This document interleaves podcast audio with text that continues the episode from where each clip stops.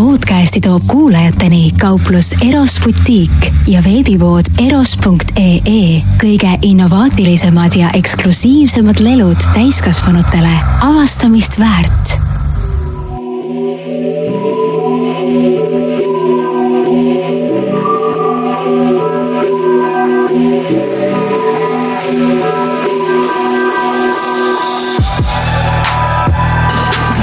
Jou, jou, jou, jou, tere tulemast kuulama Ausad mehed järjekordset episoodi. mina olen Kris Kala. ja mina olen Martin Pukspuu. ja meil on suur, suur, suur hea meel ja samas ka suur, suur rõõm, et sa oled taas kord meiega. käes on episood hashtag seitsekümmend neli, kui ma ei eksi. ja liigume vaikselt, Martin, sinna kõrgesse pensioniikka oma saatega. jah, kas rauga, raugaiga hakkab kätte jõudma juba? paneme pillid kotti ära ja, ja aitab küll või? ei, mis? pikendame seda. pikendame seda et, et, et jaa, kui sa juhuslikult esimest korda satud meid täna kuulama tänu sellele, et saatekülaline nii intrigeeriv ja nime, nimi on tuntud, siis võib-olla põgusalt, kes me oleme, mis me teeme. Martti, kes me oleme? me oleme, noh, kanname siis sellist silti nagu ausad mehed, teeme, teeme podcast'i Krisiga. Podcastis, millest me räägime, me räägime tegelikult kõigest elulisest võimalikult ausalt, siiralt, vahetult, et mis iganes on meile endale südamelähedane, mis meid puudutab. enesearendamine, suhted, seks mm,, igasugused sisemised võitlused, teemonid kõik, kõik selline, kõigest räägime võimalikult ausalt mm. -hmm. väga hea. ja, ja kui sa tunned, et soovid meid veel rohkem kuulata edaspidi ka, siis meid leiab SoundCloudist, Spotify'st, Delfi taskust, Google Castboxist, vabandust, Google podcast'ist ja Castboxist ja veel mingist mitmest erinevast platvormist, et äh, oleme kättesaadavad päris mitmes kohas. aga kui sul, Martin, mingeid olulisi uudiseid rohkem jagada täna ei ole siin, siis äh, äkki lähme ja, ja ja vestleme tänase meie kauni, kauni partneri kaaslasega. ja, jah, lähme. Lähme, et. sinu, sinu partneri või? ei, sõbranna, tuttava, meie part-, meie tänase partneriga. et äh, lähme siis saate juurde ja, ja külas on Epp Kärsin ning äh, ma olen väikse sissejuhatuse kirjutanud ka, nagu ikka tavaliselt mul kombeks on, mõnikord harva juhtub niimoodi, et mul ei ole midagi kirjutada, sest et ma lihtsalt ei oska kokku panna infot. sul on täna päris lühike sissejuhatus, ma isegi imestan. juurde tuleb sihuke A4. Aga, aga, aga vaatame, mis tuleb ja, ja Epp saab siis täiustada jooksvalt äh, tänase loo juures siis, kes ta tegelikult on ja mis sa teed ja, ja mis üldse sinu perspektiiv ja maailmavaade on. et ma olen kirjutanud niimoodi, et mulle tundub, et Epp sina oled viimase aasta paari üks kõige vastumeelsemaid inimesi, kes meediapilgul on jäänud. ja miks ma seda ütlen, on sellepärast, et sind justkui armastatakse ja omandatakse, aga teisalt väga paljudesse kohtadesse esinema rääkima sind ei lasta. ja tänu sellele, mida sa tegelikult teed. Üritades tõsta siis teadlikkust seksuaalsusest ja seksuaaltervisest ja seksuaalsuhetest. Epp on öelnud, et juba lapsena huvitasid teda seksuaalsed teemad.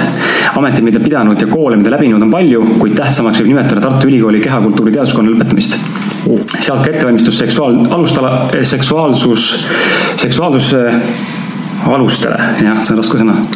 seksuaalse alustele, anatoomiale ja füsioloogiale. lisaks on Epp õppinud Hiina meditsiini ning läbinud erinevaid tantrateraapia koolitusi ja töötubasid.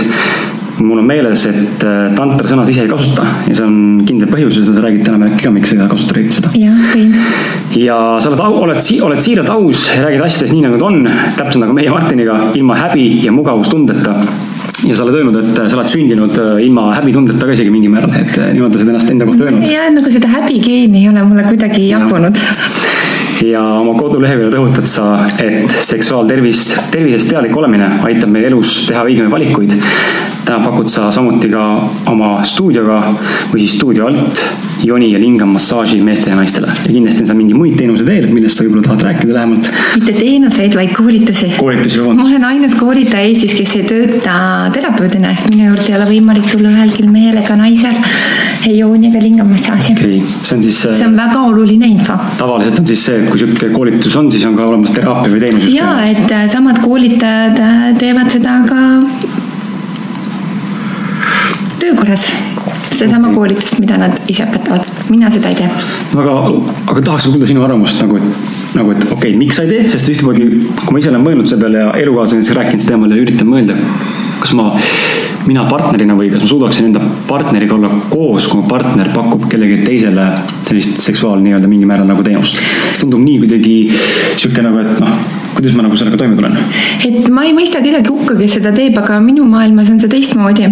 minule meeldib selline mehe ja naise suhe, kus äh, ma olen ühe mehe päralt ja, ja mees on minu päralt. et armastus on küll väga võimas energia ja kui seda jagada puhtal moel, on see väga ilus. aga on olnud väga kurbi kogemusi nendesamade seksuaalterapeutide poolt, äh, tantraterapeutide poolt, kes kasutavad ära selle naise haavatavust ja naised saavad väga korralikud hingetraumad sellest. ja hiljem on natuke keeruline võib-olla uuesti oma hinge kokku pakkida ja kedagi usaldada nii intiimsel moel mm. -hmm mina soovitan meestel ise kasvõi konspektiga voodisse minna ja mudida oma naist ise, sest tantraterapeudil võib olla seal rohkem kui kümme tuhat töötundi, aga kasvage koos mm. -hmm. see on imeline maailm tahtsingi öelda sulle just, et äh, sinu viimane lause oli vähe, vähe kõvema ja parema heli äh, tugevusega, nii et äh, võid natuke tõsta enda seda hääletämbrit. ma tulen Iga lähemale mikrofonile. nii, aga Martin, millest me täna üldse räägime Epuga? No,. Epp on äh, huvitav külaline, sellepärast et tegelikult sa andsid meile korvi ühe korra juba, heas mõttes. päriselt ka või? heas mõttes andsid meile korvi ja ma mäletan, see oli, äh, ma ei mäleta, millal, aga. mulle meeldib, kui mind taga aetakse. Äh, seda ma sain aru seda, seda me oleme täna saavutanud, muidu me siin ei oleks, aga ma mäletan, sa käisid just Jesper Parve saates ja kuna Jesper Parvet kuulati väga palju sinu saadet siis sa ütlesid meile, et sul on podcast idest äh, tänaseks nagu kopp ees ja teeme väikse pausi. mina ei öelnud kopp ees, mina ei räägi üldse selliste sõnadega. mina ütlesin, peaks pidama pausi ja vaatame. ja, et siis vaatame uuesti. ja siis mul jäi see meelde ja siis ma otsustasin, et okei okay,, et siis vaatame uuesti. ja siis sa tulid koolitusele ja, ja siis ma arvan, et äh, sa nägid mind hoopis teise nurga alt, kui oli seda meedia kuvanud. jah, ja oma šarmiga ma võlusin ära sind sisse nakkama sellega okei okay,, Martin räägime asjadest. räägime äh,, alustame siis, et kuulajale pilt ette maalida, et, et räägi, mis on sinu lugu. kuidas sa oled jõudnud siia, kus sa täna oled, selline kiire rännak läbi aja? oi jah äh,, ütlen ausalt, et olen hunt kriimsem üheksa ametit et ma olen õppinud väga palju, ma pidevalt täiendan ennast, aga mul on äh, kaks kõrgharidust. Ma olen lõpetanud Tartu Ülikooli paberite järgi kikaõpetaja, olen ka rõivadisainer, et võiksin õmmelda meeste ülikonnad, naiste tualetid, pulmakleidid, rinnahoidjad, stringid et äh, miks ma seda kunagi õppima läksin, rõivadisaini. sügavalt vene ajast on jäänud trauma, mulle meeldis ilusasti riitas käia, aga poest ei olnud midagi saada. ja siis ma tegin seda ise ja siis ma olen olnud ka iluvaldkonnas koolitajaks. iluvaldkonnas ma olin, ma arvan, kuskil pea viisteist aastat olnud treener, toitumisnõustaja, meestejuuksur. ma ei tea, mida ma kõike veel olen õppinud ja teinud ja ühesõnaga jumestamist olen õppinud. aga kuidas ma jõudsin selle teemani, on ma põlesin oma eelmise ettevõttega läbi, olin EMO-s tilgutite all ja öeldakse, et sinu ellu ei saa tulla enne midagi uut, kui sa oled käinud sügavas augus ära. ja siis ma võtsin aja maha, olin pool aastat niisama ja, ja see tuli lihtsalt nii sügavalt minu seest, et ma ei saanud seda kuidagi enda sisse ära peita. Läksin, ostsin tildod, kutsusin sõbrannad külla näitasin neile, kuidas mina neid asju teen ja see läks nagu kulutuli. ja see on tänaseks siiamaani, ütleme, et pool aastat on kuskil ootejärjekord, et pääseda minu koolitusele.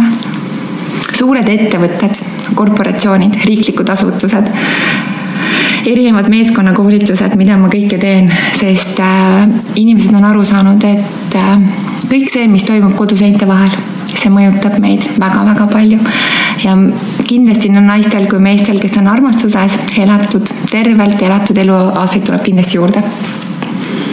et väga suur osa, see, mis toimub kahe kõrva vahel ka kindlasti.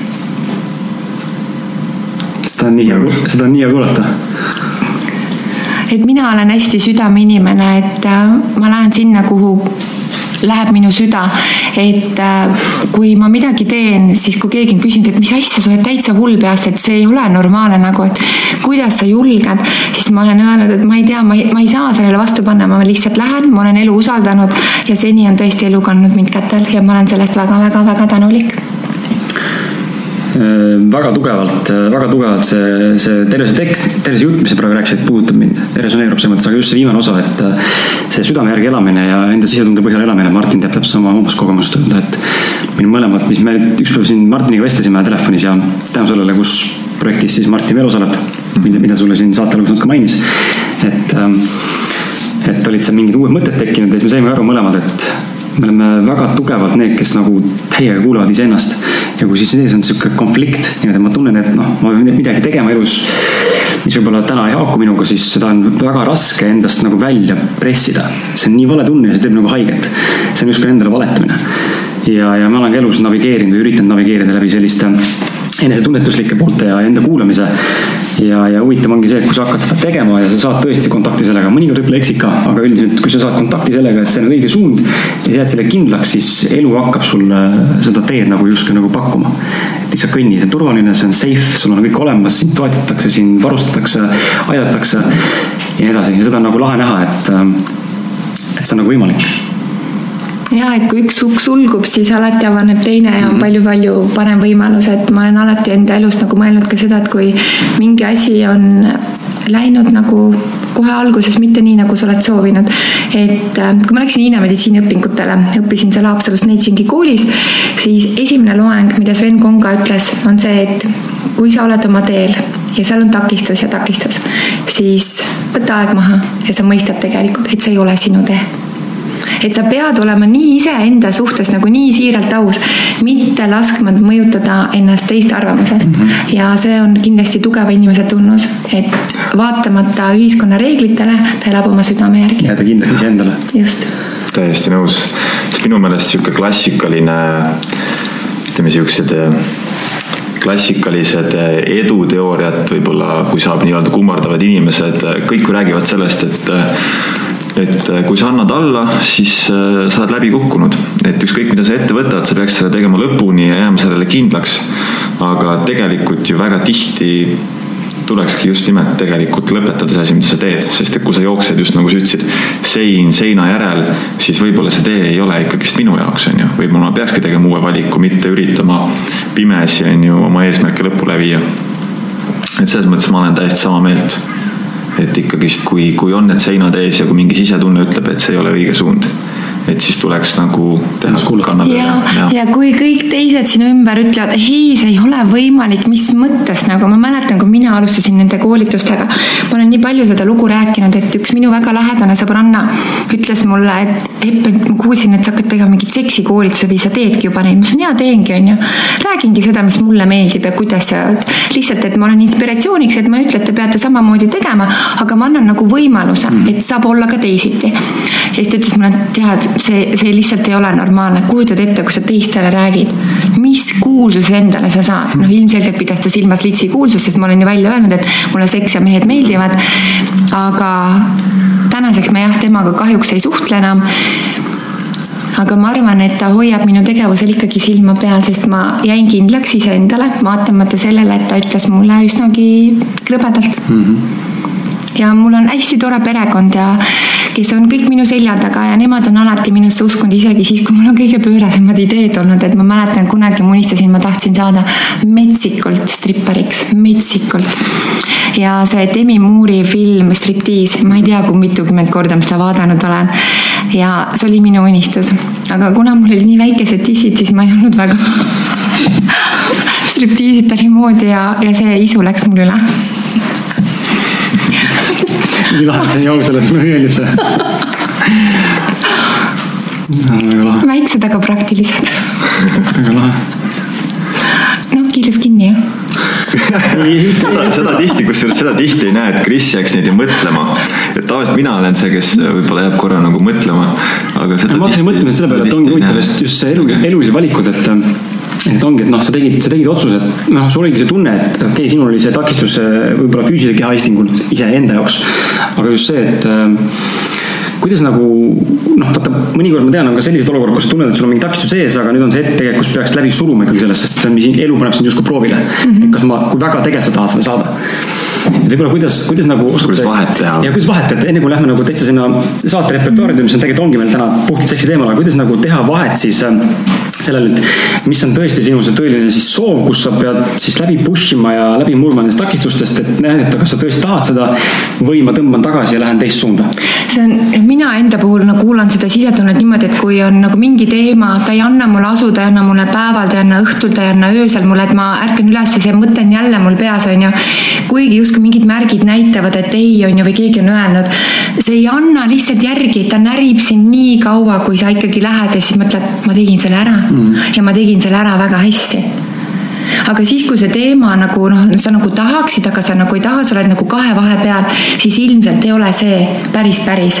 et mina nagu iseenda põhjal, ma ei saa seda teistele nagu öelda, et teised samamoodi, aga minul on hästi tugev kontakt minu enda sisemaailmas et selle, ma ei tea, kuidas öelda, minu enda kõrgema minaga või, või see, kes on, me kõik oleme väga-väga targad, aga kas me oskame seda kuulata mm? -hmm mina kuulan, mina loen hästi palju märke. jah. see on väga lahe.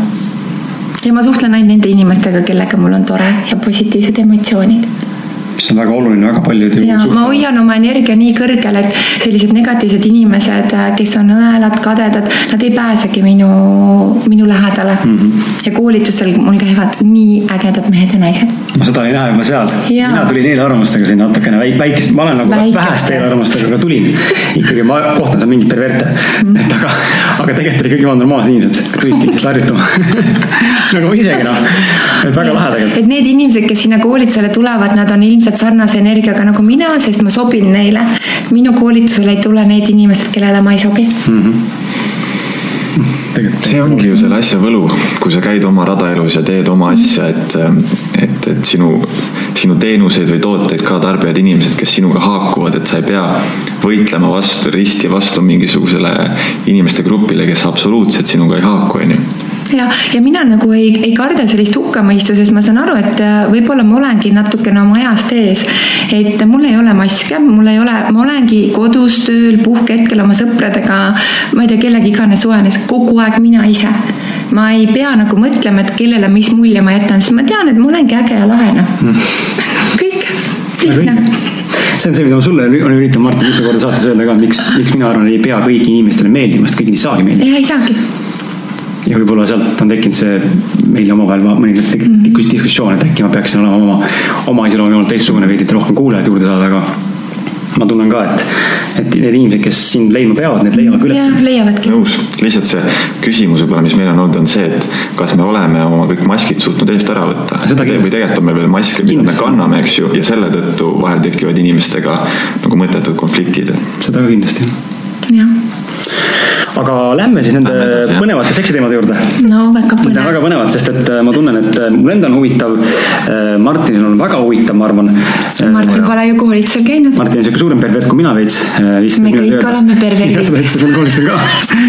aga, aga lähme sellise küsimuse juurde, et enne kui lähme nagu laia laastu muude asjade juurde, siis ma näen siin vahel on sihuke küsimus, mis justkui nagu tulema nagu lapseeast noh nooremast vanusest või east siis täiskasvanu ikka, et võtaks selle sissejuhatuseks, et kuidas mõjutab lapsepõlv ähm, meie seksuaalsust ja suhteid täiskasvanu eas? oi, sada protsenti ja sellepärast, et kõik see, noh, mina olen lugenud väga hea raamat, on Desmond Morriselt Intiimkäitumine. ta väga ilusti seletab lahti selle, et kuidas on meil esimene kontakt oma emaga, et kuidas ema meid hoiab ja kuidas ta silitab ja kuidas see paitab ja kuidas kõik see kontakt rinnaga ja, ja see kontakt, kontakt emaga ja kontakt isaga, et see on väga-väga tugevalt mõjutatud ka hiljem siis, kui me oleme suhtes või Peeter Riikard, üks äh, Taani psühholoog, terapeut, äh, üle kolmekümne aasta tegelenud selliste katkiste hingedega, meeste ja naistega, lastega, et kiindumushäirega laps on tema kirjutatud raamat. ja näiteks, kui täna me oleme suhtes siis, siis kaheksakümmend protsenti täna suhtes olevatest probleemidest on saanud alguse ju lapsepõlvest, meie vanemate poolt, meie soovide, vajaduste mittemärkamisest. ja kui täiskasvanud inimesena me mõistame, et jah, et meil ei olnudki just võib-olla kõige soojem ja sõbralikumad äh, suhted seal peres ka ema-isa vahel, siis paratamatult see mõjutab meid ja väga sügavalt mõjutab. et need mehed, kellel on hea suhe oma emaga, emal-isal omavahel on hea suhe ja samamoodi ka naisel, et oma emaga vanemate vahel, et see päritolu perekond mõjutab meid tegelikult rohkem, kui me oskaksime üldse arvata et põgusalt ma siin õpin jõudumööda ka pereteraapiat ja sealt tuleb väga sügavalt välja kõik need, noh, mitu põlvkonda, kuidas see kõik meid mõjutab, meie täna me ju käitume ju väga palju sarnaselt, kuidas käitus meie isa või meie ema, et me võtame ju selle endaga kaasa.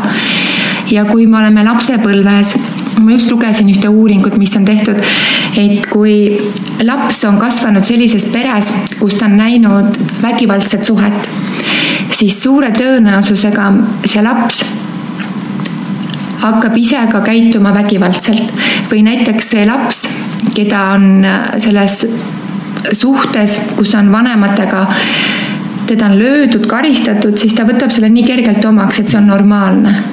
nii et see lapsepõlv ja ja kõik see, mis meie lapsepõlve kogemus meie kehal on nii tugev mälu tegelikult ja kui me oleme saanud sealt haiget, isegi võib-olla täiskasvanuna me seda ei mäleta, aga meie keha mäletab.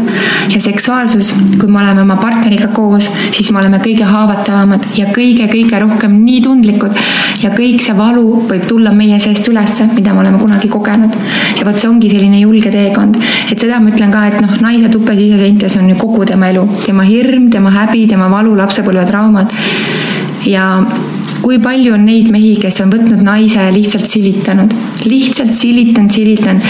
on naisi, kes, kui mees oma pehmete sõrmeotstega paitab, silitab tema nägu, mõnel naisel juba hakkavad sellest pisarad jooksma või rinnamassaas, kui imeline see on, et läbi naise rindade ju tee naise südamesse.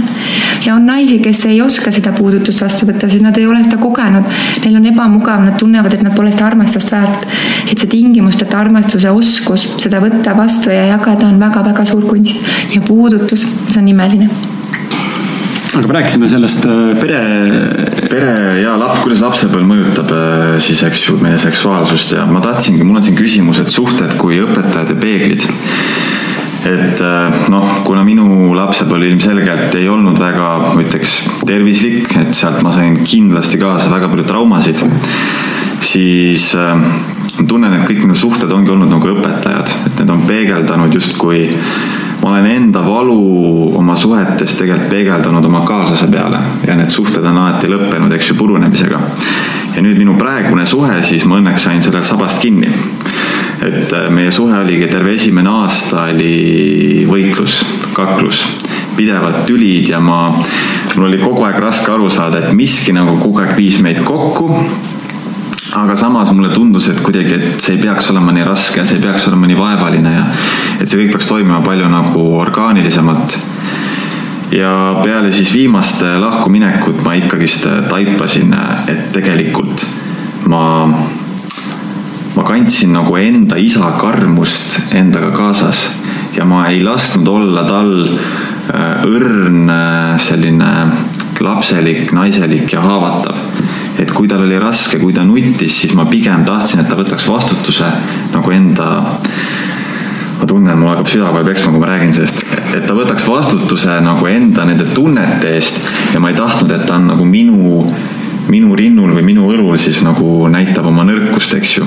ja kui ma selle läbi nägin, et tegelikult äh, see on täiesti eluterve, et, äh, et mina olen see tugevam ja toetan teda, siis sealt nagu, sealt nagu muutus kõik meie suhtes et äh, mis, äh, mis, mis sa, mis sa arvad sellest, äh, sellest teemast, et, et suhted on meile nagu õpetajad ja peeglid ja võib-olla tihti, kui inimesel on olnud raske nii-öelda lapsepõlves palju traumasid, siis ta ei saagi leida omale lihtsalt seda nii-öelda kohe seda inimest, kellega tal oleks hea olla, vaid tulebki tegelikult, suhe tuleb õpetama ja suhe võib alguses väga raske olla. ja et äh, täna sa oled ju täiskasvanud inimene ja sa mõistad seda, et kõik see, mis on toimunud sinu lapsepõlves, täna sa saad seda ise kõike muuta. mõni hakkab iseendaga ise tegema, kas ta tegelema, et kas ta loeb raamatuid või läheb kuskile, otsib hingeabi.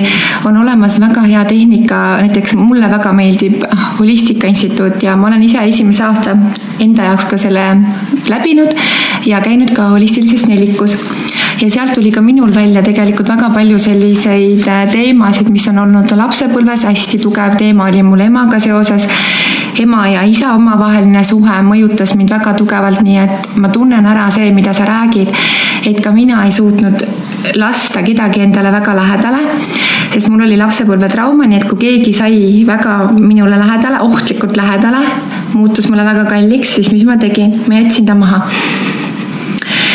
ja see toimus pidevalt kogu aeg kuni selle ajani, kui ma siis tabasin ära samamoodi nagu sinagi, et tegelikult on mingi muster, mis kogu aeg kordub.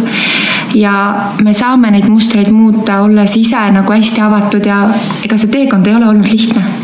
ma olin kolmekümne kolme aastane, kui ma leppisin ära oma emaga ja pärast seda mu elu hakkas alles mäest üles minema ja minu ellu tulid hoopis teistsugused inimesed ja ma olen võtnud täna vastutuse iseenda elu eest, et ma saan aru, et ka minu emal olid lapsepõlvetraumad, tema samamoodi käitus nii nagu tema ema ja nii edasi. et äh, see kindlasti meid mõjutab.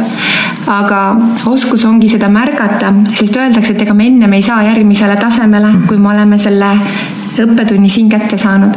me võime jätta selle maha ühe naise, teise naise, kolmanda või, või mehega samamoodi teha, aga needsamad asjad korduvad ja veel suuremas ulatuses. nii et kui sa oled selle õppetunni kätte saanud ja taipad, siis alles elu muutub, nii nagu sinulgi ja nii nagu minulgi.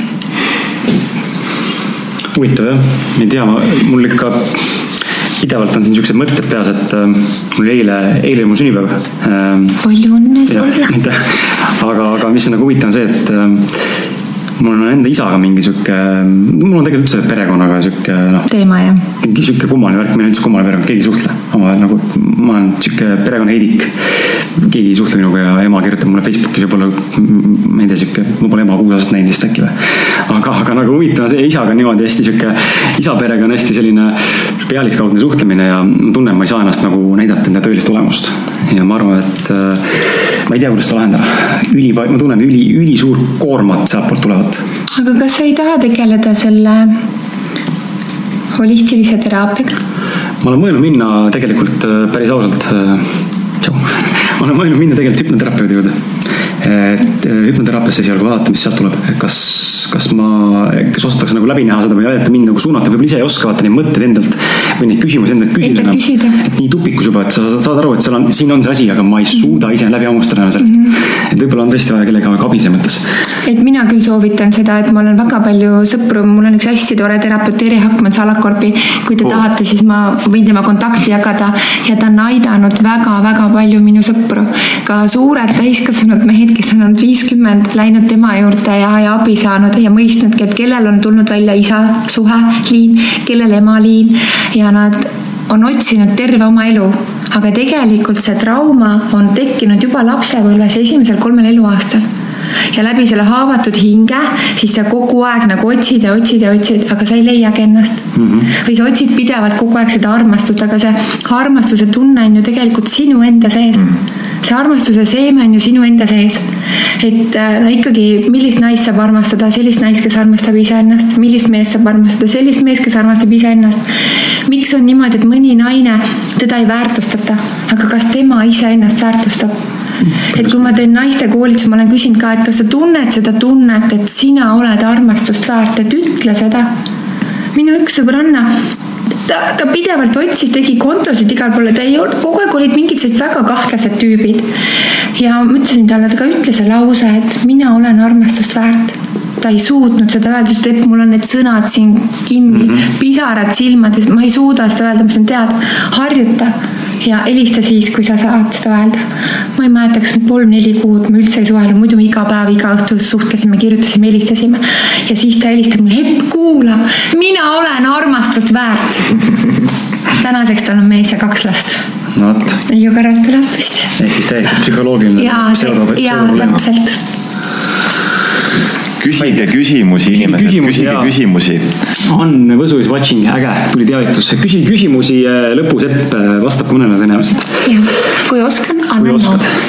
aga okei okay,, okei okay., kurat, see on, äh, kurat üldse suhte, seks ja üldse kõik see on mm, sihuke tunne, et kui see nagu suhe on nagu sihuke rusikas, eks ole, siis ongi sul nüüd siin seks, suhted, suhtumine, ma ei tea, enda mingi väär, väärtustamine, armastamine, kõik on nagu nii palju erinevaid vundamente kokku panebki see tervik, kui sul on kuskilt üks nagu logiseb, siis ongi, siis sa veadki justkui nagu vankrit, millel on äh, kolm ja ütleme, mina mõtlen nagu suhte puhul niimoodi, et me saame kokku, me oleme armunud, kõik on suurepärane ja siis me paneme leivad ühte kappi ja alles siis hakkab kasvamine mm. -hmm. siis alles tulevad välja kõik need asjad, mida sa oled varem võib-olla ära peitnud enda seest ja kõige lähedasem inimene teeb sulle kõige rohkem haiget just sellepärast, et ta toob välja sinu sees need asjad, millega sa peaksid tegelema, ta toob kandikult selle sinu ette mul elukaaslane ütles ka alles hiljuti seda, et me oleme kuus aastat koos olnud ja ütles ka, et mulle nüüd tundub, et nagu ma hakkan nagu kuidagi rohkem õppima tundma, kes sa tegelikult oled mm. -hmm. nagu veel rohkem. midagi nagu tuleb juurde iga aasta.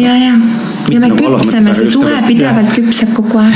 ja vahest, mida ma tahan ka öelda, et, et ma olen kogu aeg rääkinud, et seks on suhtes hästi oluline. jaa, see on üks fundamentidest, aga kui näiteks te olete intellektuaalselt väga erinevad või teie sotsiaalne taust on väga erinev või teie majanduslik seis ka, ka see mõjutab tegelikult väga palju. et me peame saama ise hakkama, mina ütlen ka naisele, ei ole niimoodi, et mees peab kõik asjad maksma.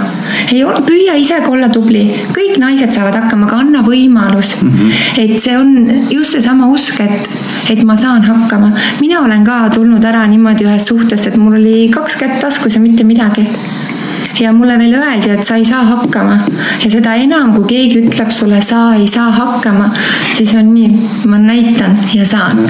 ja, ja see on võib-olla just väga inspireeriv see on lahe, et sa selle välja tood, sest me oleme sellega sellest, sel teemal Martiniga rääkinud sellest, et ongi see justkui nagu noh, ühtepidi on ta nagu mingil määral nagu võib-olla ebameeldiv ja võib-olla ebavajalik teistele tõestamine, aga see on see power, mis tekib sinu sees. ja sa, sa oled nagu mingi vedru, sa oled kokku surutud, eks ju, ja siis, kui sa saad selle vabaduse, siis sa nagu lähed ja sa teed ja sa tunnedki, et tegelikult elu on minu enda luua mm. -hmm.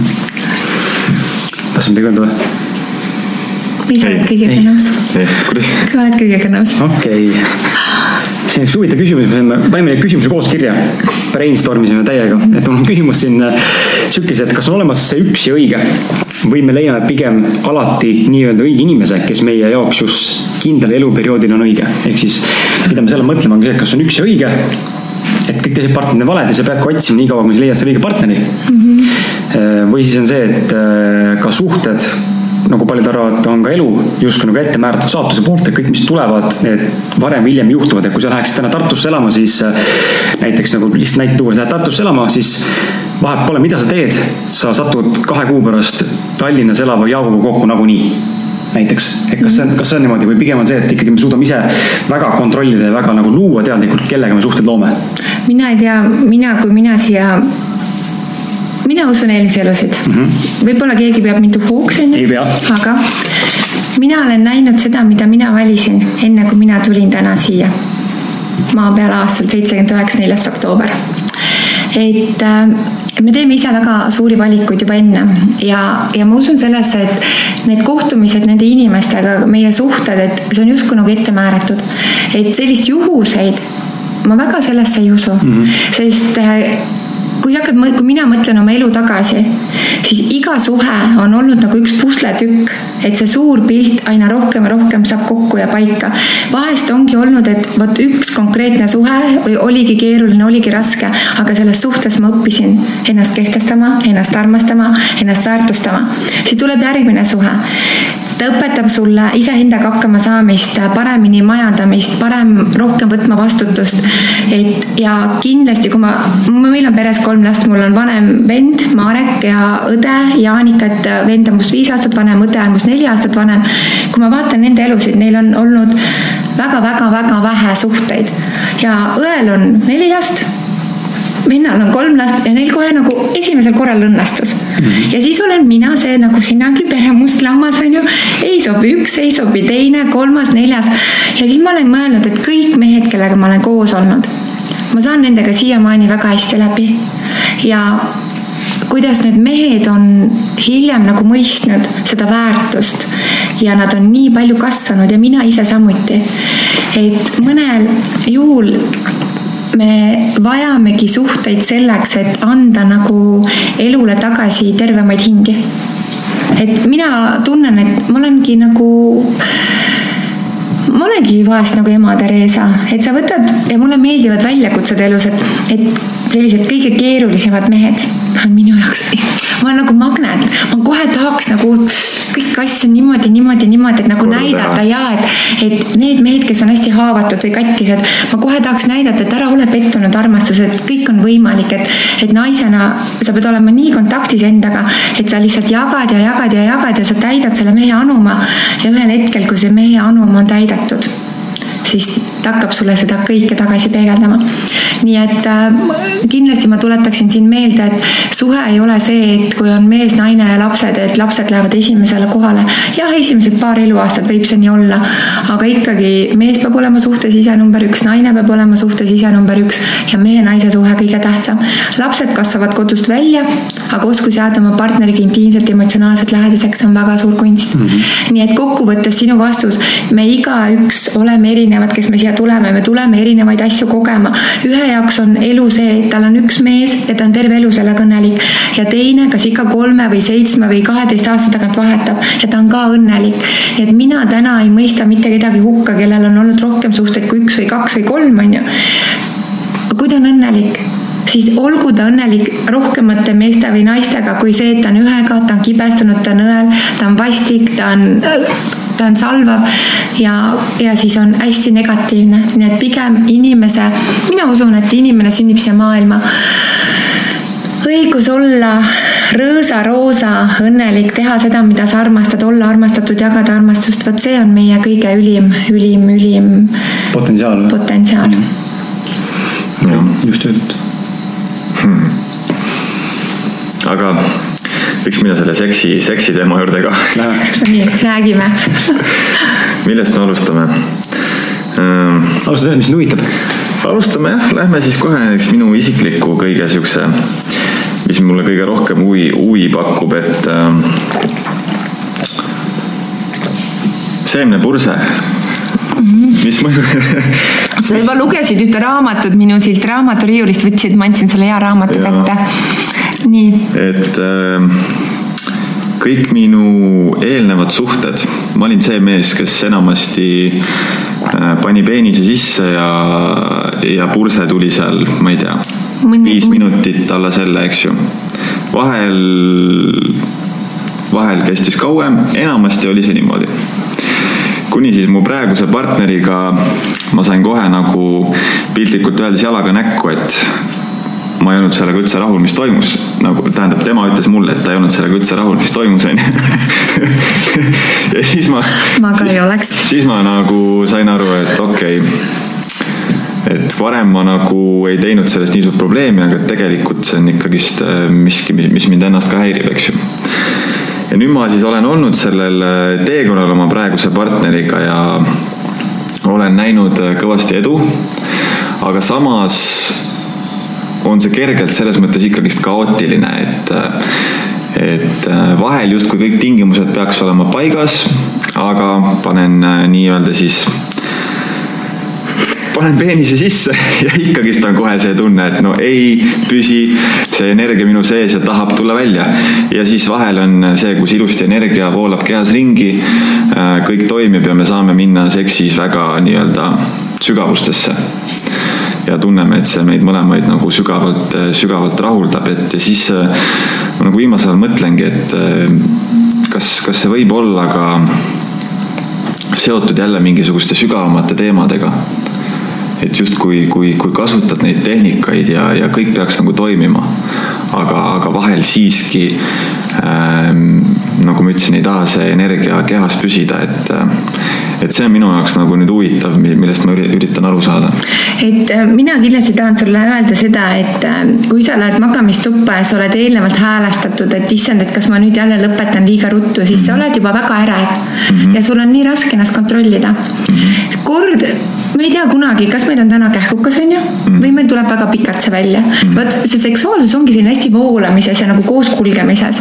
loomulikult see on naise jaoks ausalt, see on, ma olen koolitanud täna tuhandeid, tuhandeid, tuhandeid naisi, no viisteist tuhat inimest on koolitatud, et see häirib naisi väga sügavalt, tekitab väga suurt frustratsiooni.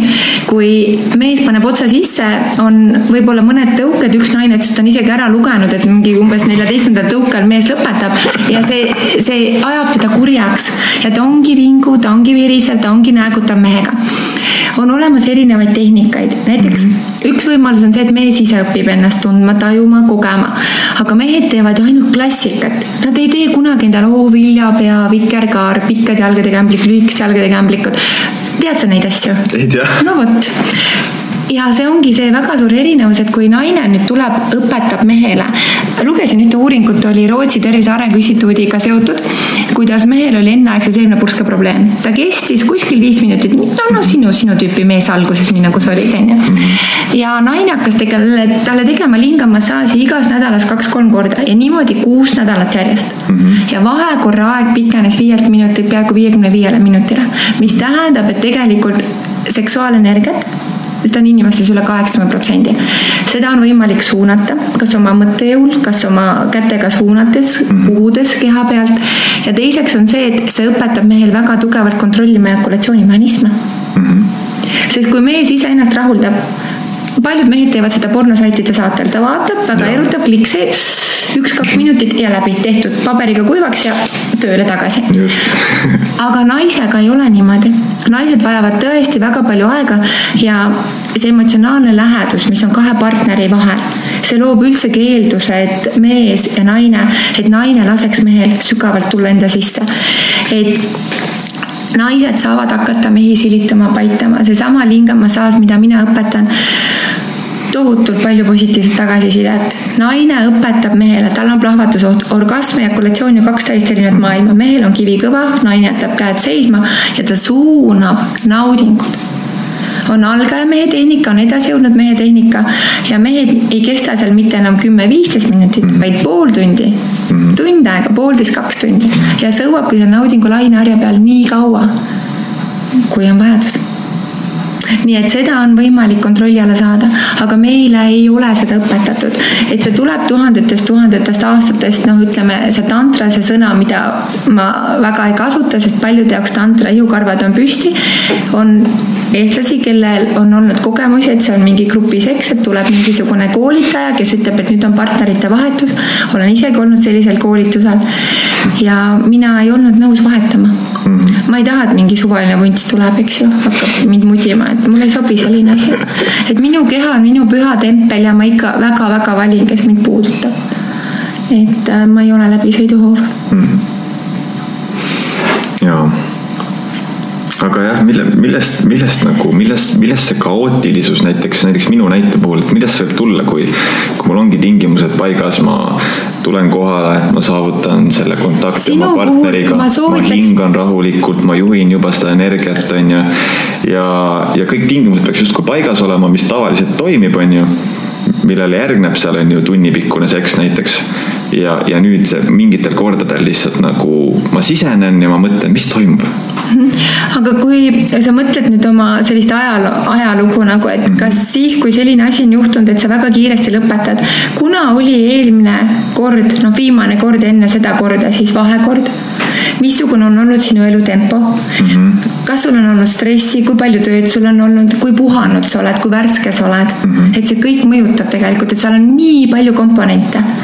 Et mina olen öelnud seda, et kui noh, mõne naisel on mees meremees on ju, käibki kolme või nelja kuu tagant kodus. et kui sa nüüd kujutad ette, et mees on olnud merel neli kuud, ta on, ta tuleb koju, tal on, ta on selline kirg ja torm, ta on iga päev mõelnud, kuidas ta lahti riietab, kuidas ta otsa, kuidas ta seda kõike teeb. võta see mees seksiga ribadeks, on ju. ja alles siis, kui mees on nagu kähkukas, on rahuldatud, lase tal taastuda ja võib-olla alles järgmisel päeval, ülejärgmisel päeval ütleb, tead, kallis, teeme, ma teen täna sulle mm. -hmm. ja, ja siis sa võtad ja siis sa ka, see energia on hajutatud, sa suudad paremini seda kontrollida mm. -hmm no siit jah. sest vahest on, ongi vaja, et teedki kähkuga ära, siis on paus ja siis hakkad alles pikalt tegema ja siis sa kestad palju kauem. et ärge arvake, naised, et kui mees tuleb, lõpetab saks ära, onju, et nüüd kõik, onju. ei, sinu oskus naisena, võta, hakka silitama tee suuseksi, silita paita varba vahelt, keelega mängi peopesas, küünarnuki õnnes, kaenla all, kõrvad ülierogeensed. kõrvadest on võimalik saada orgasm, olete seda kogenud? ei ole. Üks mees koolis seal küsis, kas siit hakkab purskama midagi, ma ütlesin, et ei hakka purskama. et mehe ja naise keha on ääretult erogeenne pealaest varbotsteni. võtke suled, võtke pärlikeed, mängige mingite, ma ei tea, mis iganes, kas või ma ei tea, külmade lusikatega, metalllusikatega, no ainult fantaasia. et kui sa oled avatud meelega, tahad kogeda, piiri tegelikult olemas ei ole. aga see eeldabki seda, et sina, kui sa tunnistad, jah, mina olengi pervert, õnneks mul on samasugune pervert, kellega ma koos elan, talle kõik sobib. ma ei kujutaks ette, me oleks mehega, kes sikutaks teki, ei, sinna küll ei tohi panna või seda küll ei tohi teha. ma ei suudaks, ma tõesti ei suudaks. Et meie seksuaalsus peaks sobima, hästi huvitav, kui ma käisin, õppisin nüüd kevadel, lõpetasin intuitiivteaduste kooli, kus äh, väga palju infot, hästi palju raamatuid ja ma lugesin neid läbi ja seal oli väga tore test Ida armukunstide raamatus kuuskümmend küsimust seksuaalsuse test. ma annan teile need mõlemad mm. -hmm. Lähete koju, seal on kaks niimoodi, et sinu variant, tema variant, üks ja sama, aga te täidate neid erinevalt ja siis hakkate võrdlema oma vastuseid okay., sest see seksuaalsus on nii huvitav, see kasvab koos vanusega, see kasvab koos meie suhtega ja mida rohkem meie seksuaalsus üksteisega haakub, seda imelisem on see teekond. aitäh sulle et ma usun, et, et paljud kuulajad siit noh, kindlasti ju tegelikult, ega ma ei ole ainulaadne mees, et sellest ma saan aina rohkem aru, et kui vahel ma mõtlen, ma olen mingi unique snowflake, kellel on oma ainulaadsed probleemid, siis tegelikult ju on palju, palju teisi veel, et, et mina saan siit seda kinnitust, et ei, ei tasu võtta tõsiselt seda, et kui alati ei toimi kõik nii, nagu ja. ma vaimusilmas ette näen, et just, et siin on nii palju tegureid, et oluline on see, et ma ju näen, et tegelikult ma ei ole enam see viie minuti mees, kes ma kunagi olin, ma olen kogenud seda juba palju, on ju, kus kus seks kestab pikalt ja, ja ma olen nagu lõpus nagu vau, et äge. ja et see sooritusärevus on ka üks osa, mis nagu, kui mees on ebaõnnestunud, vaata siis mehel on nii, noh, tal on nii halb tunne, et näed, ma vedasin sind alt, eks ju, ma vedasin ennast alt. ja kui sa lähed selle energia pealt järgmine kord tegema, sul on meeles, ma ebaõnnestusin. ja kui veel naine on midagi öelnud, jumala mõttetu mees on ju, jälle sina said, aga mina ei saanud siis see tekitab mees nii suurt vastutust ja nii suurt pinget mm. -hmm. kui paljud näiteks äh, erektsiooniprobleemid saavadki alguse kahe kõrva vahelt. kui, kui suur osa on tegelikult sellest, mida meie mõtleme enda kohta nii et äh, seksuaalsus on niivõrd mõne, põnev, põnev teekond, et ja, ja seks kõrges vanuses, statistika, kuuekümne kolme aastane naine pidi hakkama seksi metsikult nautima ja teate miks? ta ei mõtle enam oma keha peale, kas mul on tselluliit, kas mul on üksteist suurem, mis, kuidas on. ta lihtsalt teab kuniks elu ja ta naudibki ja ta võtabki kõik sealt elult vastu. nii et äh, kui on rääkides veel siia juurde Eesti meestest, siis on tehtud statistika et, et viiskümmend protsenti Eesti meestest on kokku puutunud enneaegse seemnepurskega, kas siis nagu aeg-ajalt või ka kogu aeg. ja see enneaegne seemnepurse tähendab seda, et, et tõesti, mees lõpetab ära varem kui tegelikult naine. ja mida see teeb, juhul kui juhtubki niimoodi, et mees lõpetab ära varem aga naine pole saanud, siis ei tohiks jätta naist ilma naudinguta. sul on käed terved, sul on nina, sul on keeled, ma ei tea.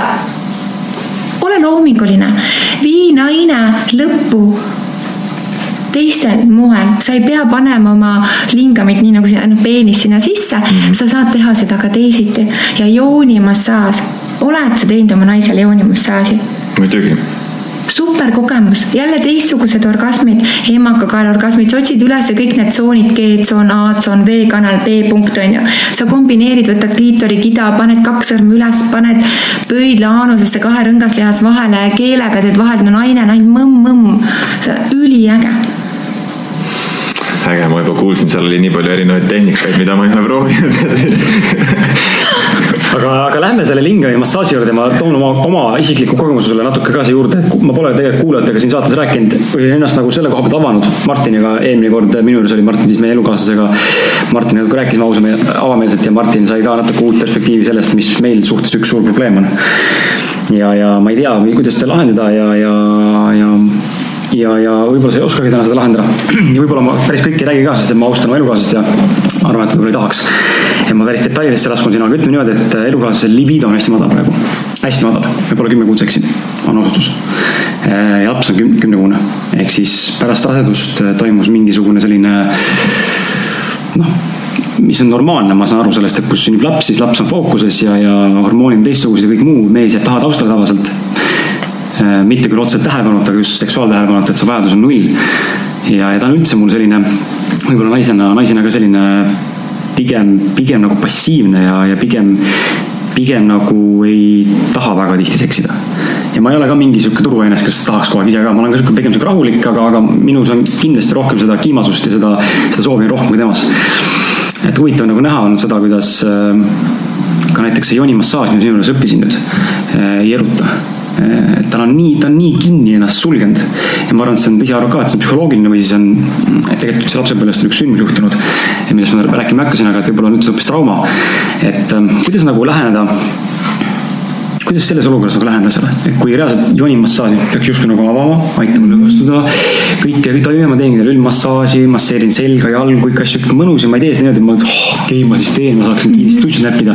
vaid ma teen nagu tõesti, mulle meeldib, ma, ma armastan täna, mulle meeldib teha seda. aga, aga, ja mõnikord jõuan ka sellega, et jõuan selleni, et ma siis teengi talle joonimassaaži, kõik on tore, saab oma orgasmi kätte, väga võimsad. aga kogu selle asja jooksul ma tean, ta on öelnud mulle ka, ta ei erutu. tema, temas ei teki seda erutust, et ma tahan sind mm. -hmm. ja see ei ole sellepärast, et ma partnerile talle ei meeldi, vaid tal ei ole seda iha enam sees.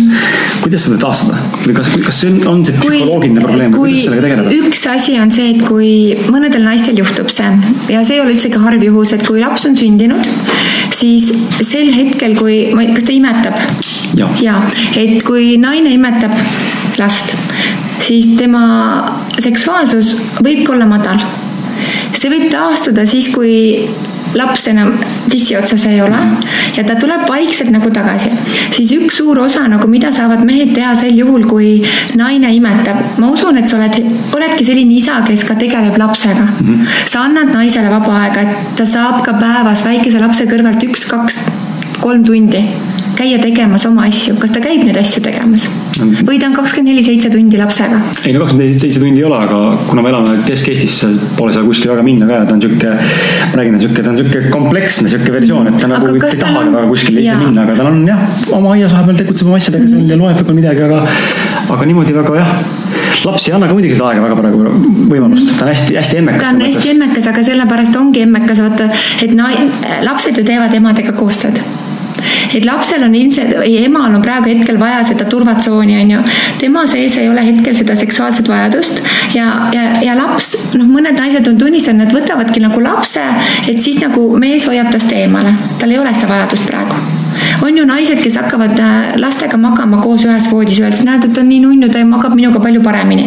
aga naine on juba mehest emotsionaalselt kaugenenud ja kui naine emotsionaalselt mehest kaugeneb, siis seksuaalses faasis või poosi, ütleme niimoodi selles osas, ta ei tule mehele lähemale. väga suur osa on see, et naised ei tunne ära enda sees, et tal võib olla sünnitusjärgne depressioon mm. -hmm. tal võib olla emotsionaalne täiesti labiilsus.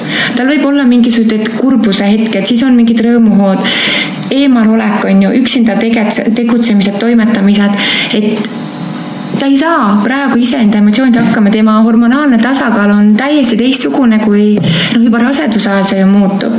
see, mis on enne rasedust ja peale rasedust, see on, see on ka erinev. et mida sina saad teha mehena, on see, et kuula, ole talle toeks, anna talle oma aega et ütlegi, tead, ma hoian last tund aega, mine jaluta või mine sörgi või on tal sõbrannad, kellega ta suhtleb. sellised ägedad sõbrannad, mitte need, kes on rahuldamata ja vinguvad ja virisevad. mõni üksik, kes elab kaugel mm. -hmm. et ta võib ka tunda tegelikult sisemisest puudust sellest oma vabadusest, sest varem ta sai ju minna ja teha kõike, mis pähe tuli, aga nüüd on tal väike lapseke ja ta peab sellega kogu aeg arvestama. Tema söögikordadega, tema uneaegadega ja ta tunneb ennast nii käsist jalust seotuna. ja kui ta on vaimselt kurnatud või kui naisel on stress siis ta ei suuda seksist mõelda ma ei tea, kas ta on stress, ei tundu nagu, nagu, me räägime väga. jaa, aga ta ei, ta ei pruugi seda isegi ära tunda, seda. ta ei pruugi seda ära tunda. et mina soovitaksin tal minna kasvõi ma ei tea, terapeudi juurde rääkima kellegiga, noh, te omavahel väga palju räägite, aga noh, te olete ju mõlemad selles suhtes osapooled, et vahest on vaja täiesti neutraalset inimest, kellele ta räägiks ja võib-olla ta näeks ja selle inimese esitatud küsimustest ta näeb seda teise nurga alt. tegelikult oleme mõelnud, et tulla sinu jutule, aga ma ei tea, kas sa oled inimene, kes suudab sihukest asja lahendada? ma, ma teen nõustamisi oma selle koolituste kõrvalt, ma ei tee küll seda väga tihti, aga on olnud neid, kes on abi saanud. et minu pereteraapia õpikud on, õpingud on pooli, pooleli veel, aga mida ma soovitan teha, et kas te olete käinud prep teraapias või imagoteraapias? ma soovitan teil minna sinna kindlasti kõikidel meestel ja naistel, et kui te armastate oma partnerit, vahest me ei oska lihtsalt märgata või me ei oska küsida või me ei oska rääkida, siis seal õpetatakse kuulama, nii et ka kuuldakse ja rääkima, nii et räägitakse mm. -hmm. ja seal on väga palju tehnikaid ka, et kuidas mehed ja naised saavad iseennast aidata enda partnerit et kui guugeldada prep-teraapia, imagoteraapia, minu arust üle Eesti leiab neid kohti, kus tehakse ja need inimesed on saanud väga hea väljaõppe, nad on spetsialistid ja neil on väga-väga suur kogemuste pagas et kindlasti tasub minna, et suhet saab päästa siis, kui mõlemad pooled seda soovivad. ma ei ütle, et teie suhe on kriisis, aga see on praegu nagu mingisugune murdepunkt. et see jällegi õpetab teile mõlemale midagi väga tähtsat ja olulist teie mõlema kohta. sulle ilmselt kannatlikkust, sest mehele, naised, seks on väga tähtis. kui naine ise seksida ei taha, kas ta on äh, just sünnitanud või ta kannab viimaseid kuid, on rase, siis naised, teie käed on terved, teie suu on terve. tehke mehele imelisi naudinguid ja mees on väga tänulik ja ausalt, mehed küla peale ei lähe siis, kui nende naudingute anum on täidetud mm. -hmm. jah aga sellises situatsioonis üldse või noh, ütleme, et toome siis näite, et libido on madal, siis ega seal suhtes üldse välistame korra selle, et naine on nagu imetav ema, eks ole, lihtsalt mm -hmm. lihtsalt valane naine, libido on madal, siis ega seal ju selles mõttes selle, sellisest vaatepunktist lähenedes, et ma nüüd hakkan siis nagu vägisi uskuda, noh mitte vägisi, aga nagu vaikselt niimoodi, ma siis natuke näpin siit, natuke sealt justkui mm, -hmm. no pea vastu, et ma nüüd siis teen, et noh, vaatame äkki õnnestub, see ei ole see. ja ei ole, tal on plokk ees ja, ja midagi ei ole teha kuidas äh, sellel naisel oli liibido enne, kui te hakkasite temaga nagu noh, kui te saite tuttavaks, te olete nüüd kuus aastat koos olnud mm. -hmm. mõnel naisel see liibido ongi madalam ja mõnel naisel ongi see kõrgem. ja me ei saa teda sundida, kuule nüüd, et sa peaksid mind tahtma või et kus on sinu iha ja kirg ja torm, on ju. temas ei ole seda ja seda ei tule. mõnel naisel võib tulla, aga kui ei ole, siis ei ole ja vot see ongi seesama, see seksuaalsuse test, millest ma rääkisin, kus on kuuskümmend küsimust. mina olen nüüd, kui ma teen paaridele, ma teen ju romantikapakette on ju Head on Spaga ja see on nii tore just selles suhtes, et ma annan need testid neile kätte, nad täidavad ära ja nad saavadki aru, et näed, aga me ei ole sellest teemast üldse rääkinudki mm. -hmm. või oi, sulle meeldivad need asjad, ma ei teadnud seda. et sellest võiks ähm, kõige ideaalsem oleks, kui me räägime nendest asjadest ennem, kui me paneme leivad ühte kappi mm. -hmm aga kui need leivad on juba ühte kappi pandud, siis me saame ka koos kasvada. ilmselt olete te mõlemad üksteisele väga suureks õpetajaks. no tõenäoliselt jah.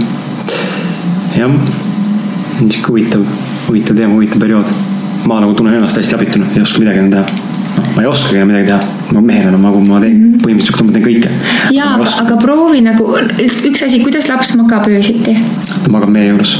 magab teie juures aga mis energia on naisel, kui laps on kogu aeg lähedal, muidugi väiksel lapsel. ilmselgelt ta on kogu aeg, on attention. ta, jaa, tal on kogu aeg tundled ju püsti, et tal ei saagi seda seksuaalset iha tekkida, sest tal on kogu aeg laps siin kõrval. ja nii väikese lapse kõrvalt anda ta kellelegi hoida, ega siis ikkagi ema ju mõtleb, kuidas ta saab hakkama mm -hmm. ja kuidas on. et ega esimene aasta, isegi esimesed kaks aastat, äh, see paneb suhte väga korralikult proovile. jah ega kooselu on tugevatele ja lapse saamine on veel tugevamatele. ma siin, nagu ma saan aru, mis sa mõtled jah, et paned proovile, et panedki proovile, aga, aga meie, ma enda puhul tunnen, et ei pane nagu proovile, ma peaksin ära minema, et me nagu laiali ei lähe, see, me me oleme mm, -hmm. ma saan aru, et noh, see on, see ei ole nagu põhjus, miks peaks minema küla peale, aga lihtsalt ongi, et see on asi, mis ma tunnen, peaks nagu korda saama, sest et ma reaalselt noh, niimoodi, niimoodi öelda, aga ma tunnen, ma kannatan. seal nagu selle, selles mõttes kannatan jutumärkides, eks ole, et mina ei saa seda, mida ma tegelikult tahaksin mm. -hmm. aga ma ei lähe ju siis ka kuskile siin, ma ei tea, kellelt seda otsima. aga naine sulle linkab massaaži. mõnikord, aga see ongi see, et tal on, see on, see on nii vastumeelne, et ma saan aru, seal, seal ongi suur-suur blokeering. ja siis sa ei naudi seda ka ise, kui naine ei tee seda enda vabal soovil ja ihas ja tahtmises. seepärast me teemegi ainult siis, kui ta tõesti tahab mm. -hmm. ja see ongi harva. aga sul on ju endal ka käed terved teised ja ise kuidagi ei ole, see pole nagu nii huvitav enam. aga ma peaksin õpetama need viljapead ja vikerkaared sulle ma selgeks. pole seda kusjuures näinud neid, neid joni või tähendab lingemi asju, aga ongi see, et äh, nii kuidagi mingi hetk tundsin, et nagu see on nii mõttetu, noh, ma tahan seda ma tahan, tahan kontakti. ma annan, pärast näitan sulle, võta, mul on dildo alati kodus olemas, ma laua peale positsioonid kõrvale, näitan ära. päris lõbus on päriselt, mul on käinud ka mehed koolitusel iseennast õppimas äh, rahuldama mm. -hmm. nii et see aeg tuleb üle elada. just no vot. nii et kuulge, kuule, see on normaalne ennast, ennast ka rahuldada ikkagi. jaa, see ongi ja teate ausalt, mida ma tahan öelda, et hea seks ju saabki alguse sellest, et naine tunneb oma keha, et mees tunneb oma keha mm, -hmm. et me julgeme magamistoas rääkida. kaheksakümmend protsenti naistest magamistoas teeskleb orgasmi tuleks maailma juhtiv kondoomitootja ütles, et kolmest naisest kaks vahekorras ei jõua orgasmini kui palju on tegelikult rahuldamata naisi, vaadake enda ümber, olete suures äh, meeskonnas töötamas, naised, kes vinguvad, virisevad, näägutavad, no te teate juba seda, see on minu lause. Nad on seksuaalselt rahuldamata mm. -hmm. naised ja mehed, kes on seksuaalselt rahuldatud, nad on nii toredad, nii loomingulised, nii vabad, nii enesekindlad. Nad lähevad ja leiutavad uue maailma et see seksuaalsus on meile nii omane ja mida ütles paavst Franciscus, seks on kingitus Jumalatelt inimestele. aga nüüd mina, mida ütlen, jumalad unustasid inimesi õpetama, kuidas tegelikult seksida nagu jumalad. selleks oledki sina meil siin, tõenäoliselt. võib-olla küll jah. No see on alati, mind nagu ajab naerma, et see on alati, ma mõtlen, koolis käies ka oli see nali, et kui oli mingi naiskehka õpetaja, kes oli hästi tõre ja sihuke hästi, hästi karm, siis alati oli nagu õppinud. ja me, meil oligi see nali onju, et noh, aga see peabki paika. aga jah, et siis nagu ei osanud seda teadlikult vaadata, et tegelikult ongi nii. ja vaadake Eesti koolides õpetajaid, kui palju õpetajad tegelikult noh, paljudel õpetajatel ei ole ju mehi, millegipärast ei ole et äh, kuidagi võib-olla nad ei tule oma rollist kodus ka välja, kes see nagu Nad on juba nii tühjad sellest seksuaalenergiast, et meest ei tõmbagi enam nagu siis sellise naise suunas. et äh, noh, mina ju käisin oma pilootprojektina pea sada Eesti kooli läbi ja, ja ma nägin äh, väga toredaid õpetajaid ja, ja ma nägin ka selliseid äh, kinnisemaid õpetajaid, kes nagu punastasid, kui ma läksin sinna oma loenguga. kuigi ma ütlesin, et tulge ka kuulama, et see on ka teile endale väga huvitav, siis palju, ei, ei, meil ei ole seda vaja, on ju, siis ikka kuskilt kuulasid või nägid niimoodi, vaatasid läbi klaasi, et et see seksi teema Eesti ühiskonnas on jätkuvalt tabu, aga ma arvan, et äh, see on väga suures muutumises. See on nii absurd tegelikult minu arust, et see tabu on, miks? Ja, ma ei saa aru, täna meie, kes me siin istume laua taga, meie kõik, meie vanemad seksisid, nad armastasid teineteist, me oleme siia ilma tulnud ja ühel hetkel sellest seksist tehakse nii suur tabu, ma ei saa sellest aru. mina arvan, et tegelikult see on, see on mingi kirjutamata kuskilt võib-olla mingi sala, ma ei tea, kust, kus iganes, aga, aga kirik ja kõrgemad kõrgemad, kõrgemad jõud teavad seda, et seksuaalenergia, inimene, kes on sellega kontaktis, ta on lihtsalt üliväekas. ja nii ongi, võimalik jah, et see on teadlikult. see on teadlikult Maha nii surutud. tehtud, maha surutud ja et inimesed lähevad varsti, ma arvan, barrikaadidele ja tahavad seda vabadust. Aga kui minnagi siis nüüd selle jumalate seksi juurde, eks ju, et kus siis tänapäeva inimene ju õpib seksi enamasti mingitest kuulujuttudest, sõpradelt, sõbrannadelt ja pornofilmidest, eks ju.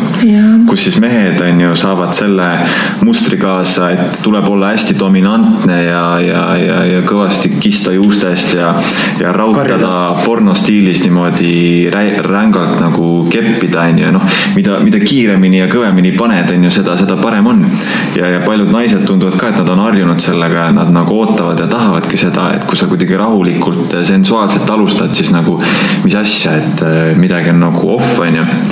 et äh, mind nagu huvitabki see, et äh, mis siis kui me laseksime nagu loomulikult evolutsioneeruda sellel seksil, siis kuhu see nagu jõudma peaks või milline see, milline see jumalate seks siis nagu välja võiks näha?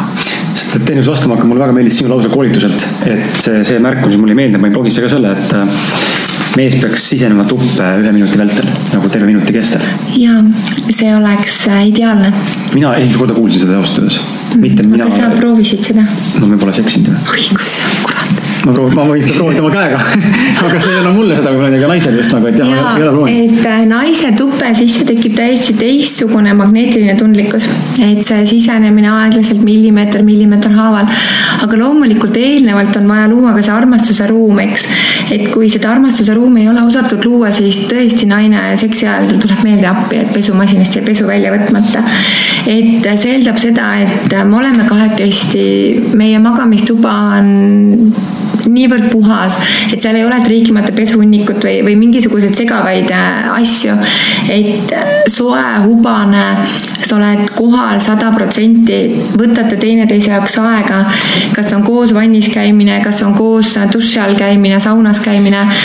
et hügieen on loomulikult, äh, millest ma ei saa üle ega ümber, eks ju. Mhm. et mehed, peske enda tilli. tilli, vingamit, tõmmake eesnahk alla, vaadake, et seal all ei ole päriselt nagu noh, see on, rääkida tundub nagu iseenesestmõistetav, aga ei ole õpetatud mõnele mehele või paljudele meestele enda hügieeni eest hoolt kandma. et kõikidel täiskasvanud meestel peab eesnahk alla käima, ilusasti tuleb see ära pesta, uuesti eesnahk peale tagasi ja täna me ju loosime välja viis seda Amare Luna intiimseepi ka. mitte, mitte, mitte, mitte täna.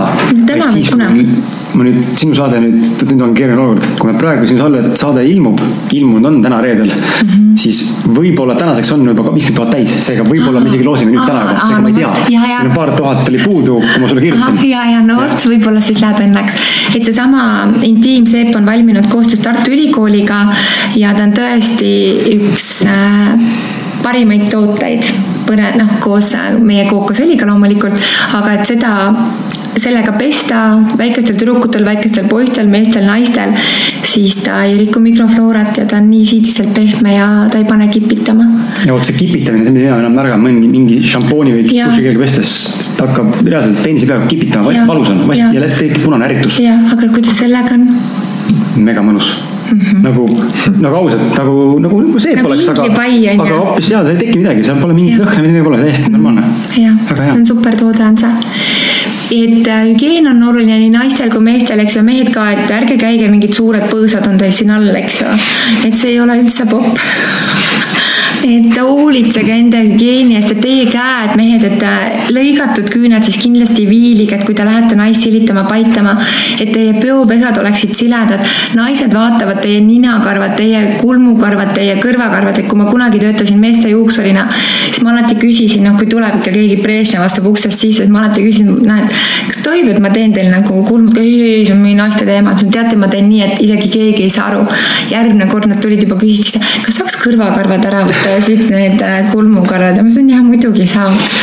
et äh, puhtus, hügieen ja see on tähtis nii naistel kui meestel. ja see loob eelduse selleks, et me, me tõesti tahame, et meie kehalõhnad, need on esimesed asjad tegelikult see, mida me tunneme. me näeme visuaalselt ja me tunneme ka selle inimese lõhna ja see lõhn peab meile sobima. et kui me suudleme, siis hambahügieen, kui tähtis on see, et teie hambad oleksid korras et äh, vahetaksite hambaharja, ma ei tea, iga kolme kuu tagant ja te hoolitseksite. ja suudlemine, kui tähtis see on kui palju teie noormehed, Martin ja Kris, suudlete iga päev oma Omavahel. no te võite omavahel ka seda teha no viimasel ajal oskad jälle peaaegu et väga vähe mm. -hmm. ei teki seda olukorda, et või tähendab olukord siis tekib, aga elukaaslane kuidagi, kuidagi jah, ma räägin tema, mul on see erandkorras näide, et noh, ta on nii sulgunud, et ähm, ma ei saa ju vägisi suu- tema keelt kuhu- suuda õppida, onju. aga suudlemine on see, mis vabastab meie ajus väga suurel hulgal õnnehormooni täpselt ja see loob intiimsuse ja läheduse kaheksa kallistust päevas.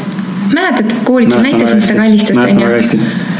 Et kui, kui tähtis on see kallistus naisele, et sa lihtsalt lähed, võtad ümber kinni, ütled kallis, mina armastan sind. et sa oled maailma kõige ägedam naine ja et äh, me oskaksime märgata ja pisiasjadest välja teha ja neid välja tuua. et me ei võtaks oma partnerit iseenesestmõistetavalt mis tavaliselt juhtub? Ikka juhtub, näiteks mina olen oma mehele täiesti tühjast kohast saatnud töö juurde lilli, suured pikad punased roosid, ma ei mäleta, kakskümmend viis tükki. kulleriga saatsin, kõik vaatasid töö juures seda, et issand, kes see on, oma naine, kõik, mis tülis olete või, et ei ole tülis, et lihtsalt saatis lilled, eks ju. et äh, sa võid teha seda, mida sa soovid ja üllatada oma partnerit mm. -hmm. see on lahe.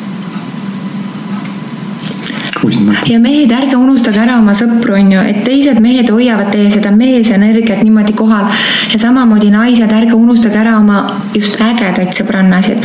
ärge suhelge nende sõbrannadega, kellel tõesti mehi ei ole, kes ainult vinguvad, virisevad, näägutavad ja klatsivad. see ei anna teile mitte midagi. lugege raamatut, käige koos kuskil koolitusel, minge tantsima koos. meie puusades on seksuaalenergia, sa lähed oma partneriga tantsima, see on eelmäng magamistuppa et äh, see on puhas, puhas teraapia. ja me tüdineme ära nendest meestest, kes on liiga, liiga, liiga head. mitte midagi pole teha. mehel peab olema ikka tõesti selgroog paigas, munad ikkagi enda püksist oma taskus. mitte nii, et äh, on naise kätte unustatud, et mehed, olge mehed ja siis, kui mehed on mehed, siis meie naised saame olla ka naised. et meie naised peaksime olema sellises kerguses, voolamises. tunnistan, aeg-ajalt ma olen ise ka noh, ma olen ettevõtja ja aeg-ajalt ma tunnen, et ma olen hästi mehelikus energias ja, aga teisiti seda, noh, ma ei saa edasi, edasi liikuda, kui ma ei oleks väga orienteeritud oma eesmärgile, sest mul on ju väga suured unistused. ja ma olen väga-väga suur unistaja ja öeldakse, et kui sa unistad, siis need unistused täituvad ja ma võin öelda küll, et ma olen saanud väga palju linnukesi oma unistustele taha märkida, sest sest ma usun sellesse. ma lugesin ühte väga head raamatut, Constance Bert on kirjutanud ühe raamatu ja ära tõestanud, ta on Ameerika neuroteadlane, et kõigepealt peab olema inimesel mõte. tal peab olema nii selge visioon, nägemus, mida ta tahab, mida ta soovib ja elu vaikselt-vaikselt pusletükkidena paneb selle pildi kokku. see on siis siuke nagu ütleme, rohkem teaduslikum versioon sellest laialt levinud külgetõmbeseadusest lahti. ja, ja see on ikka, see on päris teadlase kirjutatud raamat. sest muidu see külgetõmbeseadus on siuke hästi esoteeriline mõiste. Ja, ja, ja. no hooma nii hooma, kui ta on nagu läbi teadusliku. Ja, ja. siis on võib-olla tõesti äkki, ühesõnaga siis soovitame. Jaa, see on väga hea isegi raamat. peaks lugema äkki. jah, okei okay.. Enne kui sa, tegelikult sa võid, võid äh, edasi minna, ma lõikan su kohast välja, aga ma pean pissi jooksma, ma tahan Okei. küsida Jah, palun. küsida küsimust, ma tahan samal ajal. ma küsin. ja ma tahaks lisada veel selle, et oleks, oleks keegi mulle öelnud siis, kui ma alles sisenesin puberteediikka, nii. neljateistaastasena näiteks, et, et, et sul peab olema selline mingi mehelik sihuke nurk et äh, muidugi, kui ma olen juba loomult sihuke natukene, natukene pehmem, keeratab, tuleb, meil on väga no, moodne see. et kui ma olen loomult selline veidi pehmem, ma ei ole selline macho, siis ma ei peaks seda hakkama endas kuidagi taga ajama, onju, et see oleks nagu fake. aga et mingi sihuke mehelik nurk peab olema olemas, et oleks mulle keegi öelnud nagu jah, seda, kui ma sisenesin puberteedikka, et sihuke liiga, liiga hea poiss olemine ei, ei ole naistele üldse ligitõmbav ja erutav. Siis ma oleks olnud nagu väga tänulik, aga selles vanuses keegi mulle seda ei öelnud ja siis ma kogu aeg mõtlesin, et miks on niimoodi, et kõik tüdrukud vaatavad mind nagu, et oo, Martin, sa oled nii nunnu, sul on nii ilusad silmad ja kõik, aga, aga aga millegipärast kellelegi ma nagu huvi ei äratanud, eks ju, et pikka aega mul oli see frustratsioon ja see tegi mulle haiget, et mis, mis toimub, onju.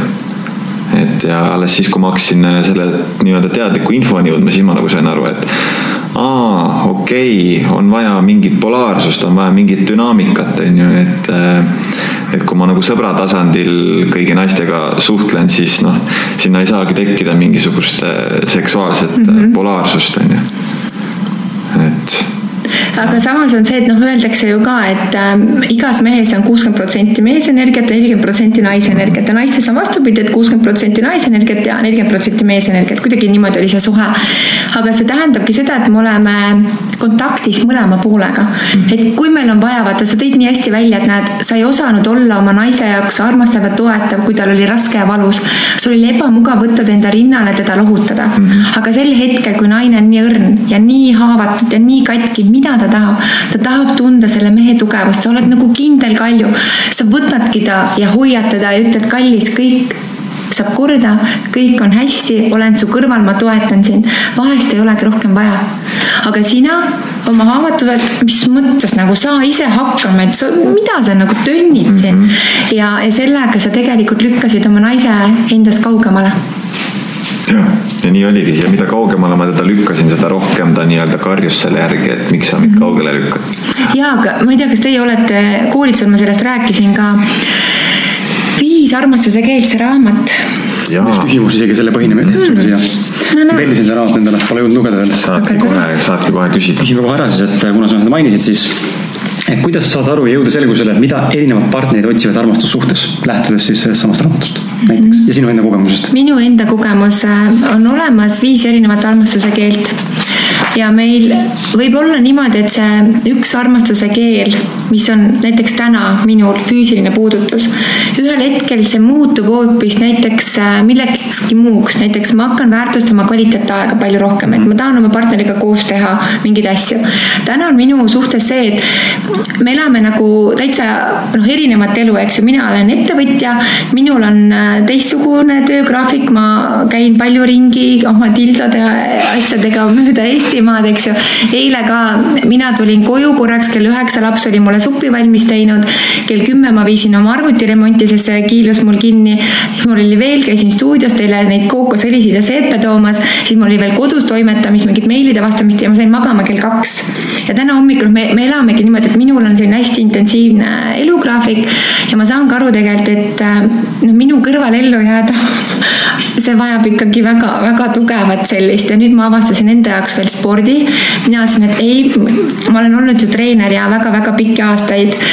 ja ma tundsin, et ma enam ei suuda, et ma tahan omal ilusaid tagasi oma ilusat tuharalihast ja ma tahan tagasi oma ilusaid jalgu, mis on lihaselised ja ringid. Ja ma hakkasin sõitma rattaga.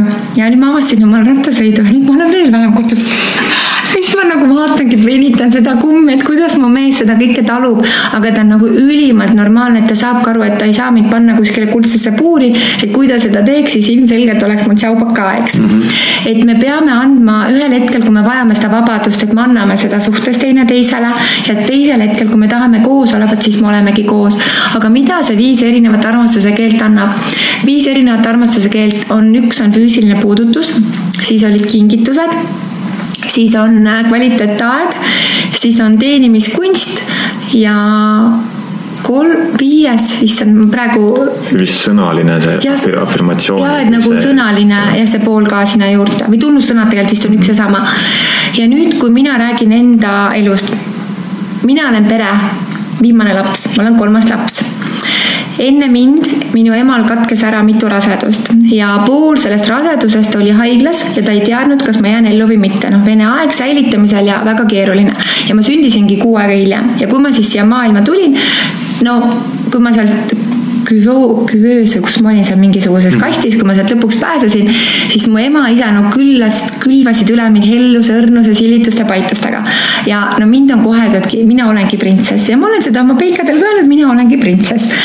Ja siis mul on olnud üks suhe, kus vastupidi, minu partner oli siis pere esimene laps. tema oli hästi selline, vanaisaga tegid koos asju, käisid kalal ja matkamas ja telkimas ja siis ta hakkas tsikliga sõitma ja, ja ilmselgelt oli tema armastus armastuse keeleks kvaliteetaeg. minul armastuse keeleks puudutused, füüsiline lähedus. ja nüüd, kui mina tahtsin seda füüsilist lähedust, mida ta ütles mulle, ära ela mul seljas, sa ahistad mind, sa ei anna mulle üldse hingamisruumi, ühesõnaga ma tunnen sellest kõigest puudust, ütleb, kui sa sellest räägid, seda vähem ma tahan seda teha. ja ta lükkas mind endast kaugemale. ja tema tahtis, et ma läheksin temaga tsiklivõistlustele, no vahepeal ma seal käisin või kalale matkama, aga printsessid ei tee selliseid asju. ja me kasvasime teineteisest lahku.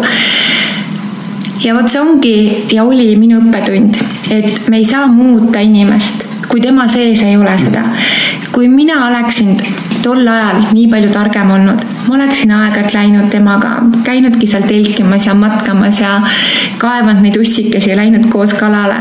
ilmselt oleks ka tema tulnud mulle rohkem vastu ja mind silitanud, paitanud ja kallistanud nii et äh, armastuse keel võib olla meil üks, aga võib-olla ka nii, et meil on kaks esimest, esimesel kohal olevat armastuskeelt. ja elu jooksul see võib muutuda ja see võib ka muutuda, ühe partneriga ta on üks ja teise partneriga on ta teine mm. -hmm. ja veel mehed, mis ma tahan teile öelda, naised ka, et te peate olema huvitavad Te peate olema niivõrd huvitavad, et te olete nagu üks lõputu, lõputu kaev ja te olete elujanulised. Te tahate pidevalt kasvada, pidevalt areneda. mina loen hästi palju, ma suhtlen hästi palju erinevate inimestega. mulle meeldib suhelda nende inimestega, kes on elus läinud oma teed ja kes on minu jaoks inspireerivad, et näed, et nemad said, et see on võimalik. ma ei tunne ühegi inimese üle kadedust, et temal on ja mul ei ole. vastupidi, see on inspiratsioon, nii lahe et äh, et suhelge tõesti nende inimestega, kes panevad teie hingekeeled helisema. ja kui sa oled sõbraga kokku saanud ja sul on kergus ja rõõm, siis ilmselgelt teie energiat sobivad. aga kui sa saad kellegagi kokku, lähed sealt ära, sa oled tühi sidrun, siis ilmselgelt ei ole see sinu inimene mm. -hmm hea navigatsiooni sihuke äpp sinu poolt antud. kuidas nagu. ära tunda. navigeerida inimeste sees ja vahel on võib-olla väga raske on nagu lahkuda nendest sõprussuhetest, kus võib-olla ühine lapsepõlv seob mm. -hmm. aga, aga tunned, et eh, enam täiesti teed kasvavad lahku. aga kas see võib ka vanematega olla? Võib-olla. või see on asi, kus, või see, või see, või vanemate puhul on see erandkorras koht, kus ma pean seda ära lahendama? et vaata, vanemate puhul on selline asi, et sa ei pea ju nendega igapäevaselt suhtlema, aga anna neile andeks ja anna iseendale andeks. et kui sa oma vanemate peale mõtled, ma ei tea, mis tunne sinu sisse tuleb. et kui sinu sisse tuleb pinge, siis see teema on õhus ja tegelikult sa oled energeetiliselt seotud. aga kui sa mõtled oma vanemate peale, sul on, hea küll, ma ei suhtle nendega, aga mul on kergus ja rõõm ja selline nagu hea, selline valguse tunne siis tähendab see seda, et sa oled selle teema lahendanud enda jaoks. aga kui sul on selline nagu süda hakkab sees kiskuma ja võib isegi pahaks minna, siia rindu tekib selline raskustunne, siis on see teema, mis tegelikult ootab lahendamist. jah, minul on, minul on pinge, raskustunne, sihuke tunne, et nagu ma pean tõestama ja pean nagu võitlema enda mingite perspektiivide eest, et nad ei saa must aru ja sihuke vastik on jah. vahest aitab, väga hea raamat on Luule Viilmal kirjutatud see esimene osa, see ellujäämisõpetus, ma soovitaksin sul mm -hmm. seda lugeda okei okay,, jätan meelde, siis. panen tellimusse kohe. Martin, seksist tahaks veel rääkida. ja, ja, ja räägiks äkki natukene polügaamsusest ka mm. -hmm. sa mingil määral puudutasid seda teemat, see on õhkõrnalt teise nurga alt, aga, aga räägime äkki sellest et nüüd on ju, nüüd on ju aina rohkem tegelikult neid, neid mehi ja naisi, kes. Äh, polümaa, issand, ma ei saaks. polügaamia. ei, see on see, üks on polügaamia, aga teine on see, kui on ühel partneril nagu mitu partnerit ja nad jagavad polüamooria või mingi selline sõna ah,. Okay. mis see polügaamia on siis? polügaamia on see, et sa oled ei, issand, ma täitsa, oota. ma ei ole ka nendesse definitsioonidesse niimoodi nagu. Räägime siis lihtsalt, lihtsalt eesti keeles. räägime, räägime lihtsalt eesti keeles just, et kui, kui näiteks kaks inimest on suhtes, mees ja naine, ja siis nad otsustavad nüüd, et äh, naine lubab oma ellu teisi mehi, kui need on tõesti sügavad äh, nii-öelda, kui see tunne on õige ja tuleb sügavalt sisimast ja samamoodi mees lubab oma ellu teisi naisi. et äh, seda nüüd tundub, et see on ka nagu teema, mis on hakanud rohkem tulema päevavalgusesse, et et mis sa, mis, mis sa arvad sellest, kas on, kas on, kas on nagu võimalik siis selline ütleme, teadlik äh, mitme partneriga suhe? ma tahan kohe seda ära öelda, et kindlasti on ühiskond muutumises. Selline tüüpiline mehe ja naise suhe, nagu oli meie vanematel, meie emal või isal või meie vanemal vanaisal, sest vanasti ju abielluti, saadi lapsed elati koos isegi siis, kui ei oldud õnnelikud, ei lahutatud täna on see, et meil on nii palju rohkem ahvatlusi, nii palju rohkem võimalusi ja, ja inimesed tahavad tunda seda, et nad elavad sajaga. ja kui näiteks mõlemal poolel vastastikusel kokkuleppel on tehtud see, et sina võid käia mina võin käia ja neile see mõlemale sobib, ma ei mõista seda hukka. aga kui on nii, et üks pool tahab ja teine ei taha ja ta iga õhtu nutab patja, teades, näed, et minu mees on tegelikult täna seal hoopis oma teise naisega, siis ilmselgelt see naine, kes kodus patja nutab, ta hävitab iseennast. et see on ka julgus nagu lahti lasta see suhe või, või minna ise nagu siis teist teed pidi, mis sind õnnelikuks teeb. ma veel kord kordan, et me ei ole loodud kannatama. me ei ole loodud kannatama ja, ja pidevalt nagu ennast halvasti tundma et see tunne, et kui sa ärkad iga päev kerguse rõõmuga, nii lahe, täna on uus päev, täna on uued võimalused. et see on tähtis mm, -hmm. et me ei hävitaks, et me ei läheks oma elutõdede vastu ja, ja on inimesi, kes on nii, et nad käivad ära, mõlemad küla peal tulevad kokku, tagasi saavad aru, et tegelikult me ei taha teineteist kellegiga jagada. ja see suhe muutub veel tugevamaks. ma soovitan lugeda Anatoli Nekrassovi raamatut Mees ja naine kui hästi see kirjutab lahti, kuidas on see mehe ja naise suhe, miks tekivad armukolmnurgad. mitte kunagi ei saa vahele tulla kolmandat inimest, kui selles kahe inimese vahel ei ole seda ruumi mm. -hmm. kui on kaks inimest nagu kaks pusletükki, siis sinna vahele ei mahu. kui nad pole tekitanud seda, seda võimalust, et vastu, vastuvõtlikku võimalust, et keegi tuleb, siis seda ei teki sinna, on ju ja vahest on vaja, et see kolmas inimene tuleb, mina olen, olen oma elus olnud, teate naised, ma räägin, ma olen kolm korda oma elus armuke ja ärge uskuge palun, naised, kui teie olete samasuguses seisus hetkel, et olete kellegi armuke, et kui mees ütleb, et oi, meil ei ole naisega ammu mitte midagi, me ei maga ühes voodis, me oleme ainult laste pärast koos, lapsed kasvavad suureks, küll ma tulen. Nad ei tule mitte kuskile. väga väike protsent mehi, kes tõesti jätab oma eelmise elu ja tulevad. Neil on vaja lihtsalt kõrvalt lustida natukene, et tunda seda mehelikkust, mida nad kodust ei saa tunda, seda tunnustust, seda kergust, see, mis oli neil kunagi suhte alguses. ja ma pean ütlema, et äh, seal nendes suhetes, kus mina olin armuke, kaks paari on endiselt koos väga õnnelikud, paremas suhtes kui kunagi varem, aga üks suhe siis alles selle aasta alguses ta vindus, vindus, vindus väga pikalt, aga siis ikkagi lõpuks läksid lahku. nii et äh, elus on hetki, kui me vahest ei saa aru, miks, aga mina õppisin ka väga palju nendest äh, suhetest ise seal kolmandana olles. kas sinus on kas sinus tekkis ja kas see on säilinud sinus mingisugune süütunne tänu sellele, et laiali läksid või pigem on see, et äh, see ei ole nagu see roll, kus sa nagu, sa elasid oma, oma etappi? jaa, mina elasin täitsa oma elu, et seal ei olnud mingisuguseid selliseid, et äh, ma arvan, et minu olemasolu, need, kus see kaks suhet, mis kokku jäid, vastupidi, see tõi sellise värskuse sinna, et need mõlemad mehed ütlesid, et nad said minult seda, mida nad kodust ei saanud nad võtsid selle energia ja läksid ja tervendasid oma suhet sellega mm. -hmm. et minu sees ei ole sellist süütunnet küsin just sellepärast seda, et minu sees ka ei ole, minu, minu, minu praegune suhe, mis oli siis pärast noh, ma olen noor, üldse kolmes suhtes olnud noorena mm, -hmm. aga noh, ütleme viimast kahte ei saa arvestada otseselt suhtena, ma olin väga noor siis mm. -hmm. aga et just see suhe, kus ma olnud olen, see hakkas ka niimoodi, et mina tegelikult lõin kiilu ühe suhte juurde mm. -hmm. mida ma tavaliselt olen inimesena see, kes ma olen endale lubanud, et ma ei tee mitte kunagi seda. aga lihtsalt ma nägin, noh, ütleks, ma ütleks, nägin potentsiaali et siit on, ma näen oma elupartnerit mm, -hmm. nägin oma partnerit, ma teadsin kohe, et see on mu laste ema, ma teadsin, ma teadsin, ma ei tea miks ja siis ma nägin ju nende suhe oli juba rappa jooksmas ja, ja siis ma olin see, kes manipuleerivalt, heas mõttes manipuleerivalt suunasin niimoodi, et ma nägin ja ma siis lõpetasin selle asja, mis, mis pidi nagunii lõppema mingi hetk mm. -hmm. et aga mul ei ole ka süüpiinasid, sest ma tundsin, ma tegin omast arust, noh jälle minu, minu vaatevinklist tegi õige otsuse. ja õnneks elukaaslane on öelnud ka, et ta nagu on tänulik sellest mm. -hmm. et sellepärast küsingi seda, et kas see süüviinad nagu, et noh, paratamatult ikka tekivad need mõtted vahepeal, et kas ma rikkusin midagi ära või noh, et teine kannatas, eks ole, mingi, võib-olla olid valus seal noormehel. aga noh, täna ma tean, et ta on ka suhtes ja tal on ka laps, nii et. ja kõik on hästi ja näiteks vahest on niimoodi, et mingid inimesed, mees ja naine on omavahel väga pikalt koos ja nad väga soovivad last, aga see laps ei tule, ei tule, ei tule, ei tule, eks ju. Nad võivad pingutada kõik, eks. ja siis tegelikult noh, mina ei tea, kuidagi universum paneb käe vahele, et need kaks inimest ei sobi omavahel, siis nad lähevad lahku ja nad leiavad endale mõlemad, nii nagu mees leiab enda kõrvale ideaalse naise, noh, ideaalset pole olemas, aga ideaalilähedase ja, ja vastupidi teine. Ja siis nad saavad kohe mm -hmm. praktiliselt esimesest seksist saavad mõlemad lapse, eks ju. et see näitabki seda, et, et kui see suhe ei ole loodud koos kasvamiseks, siis sinna tuleb takistus vahele. proovib nüüd tahada, ei tule tegelikult.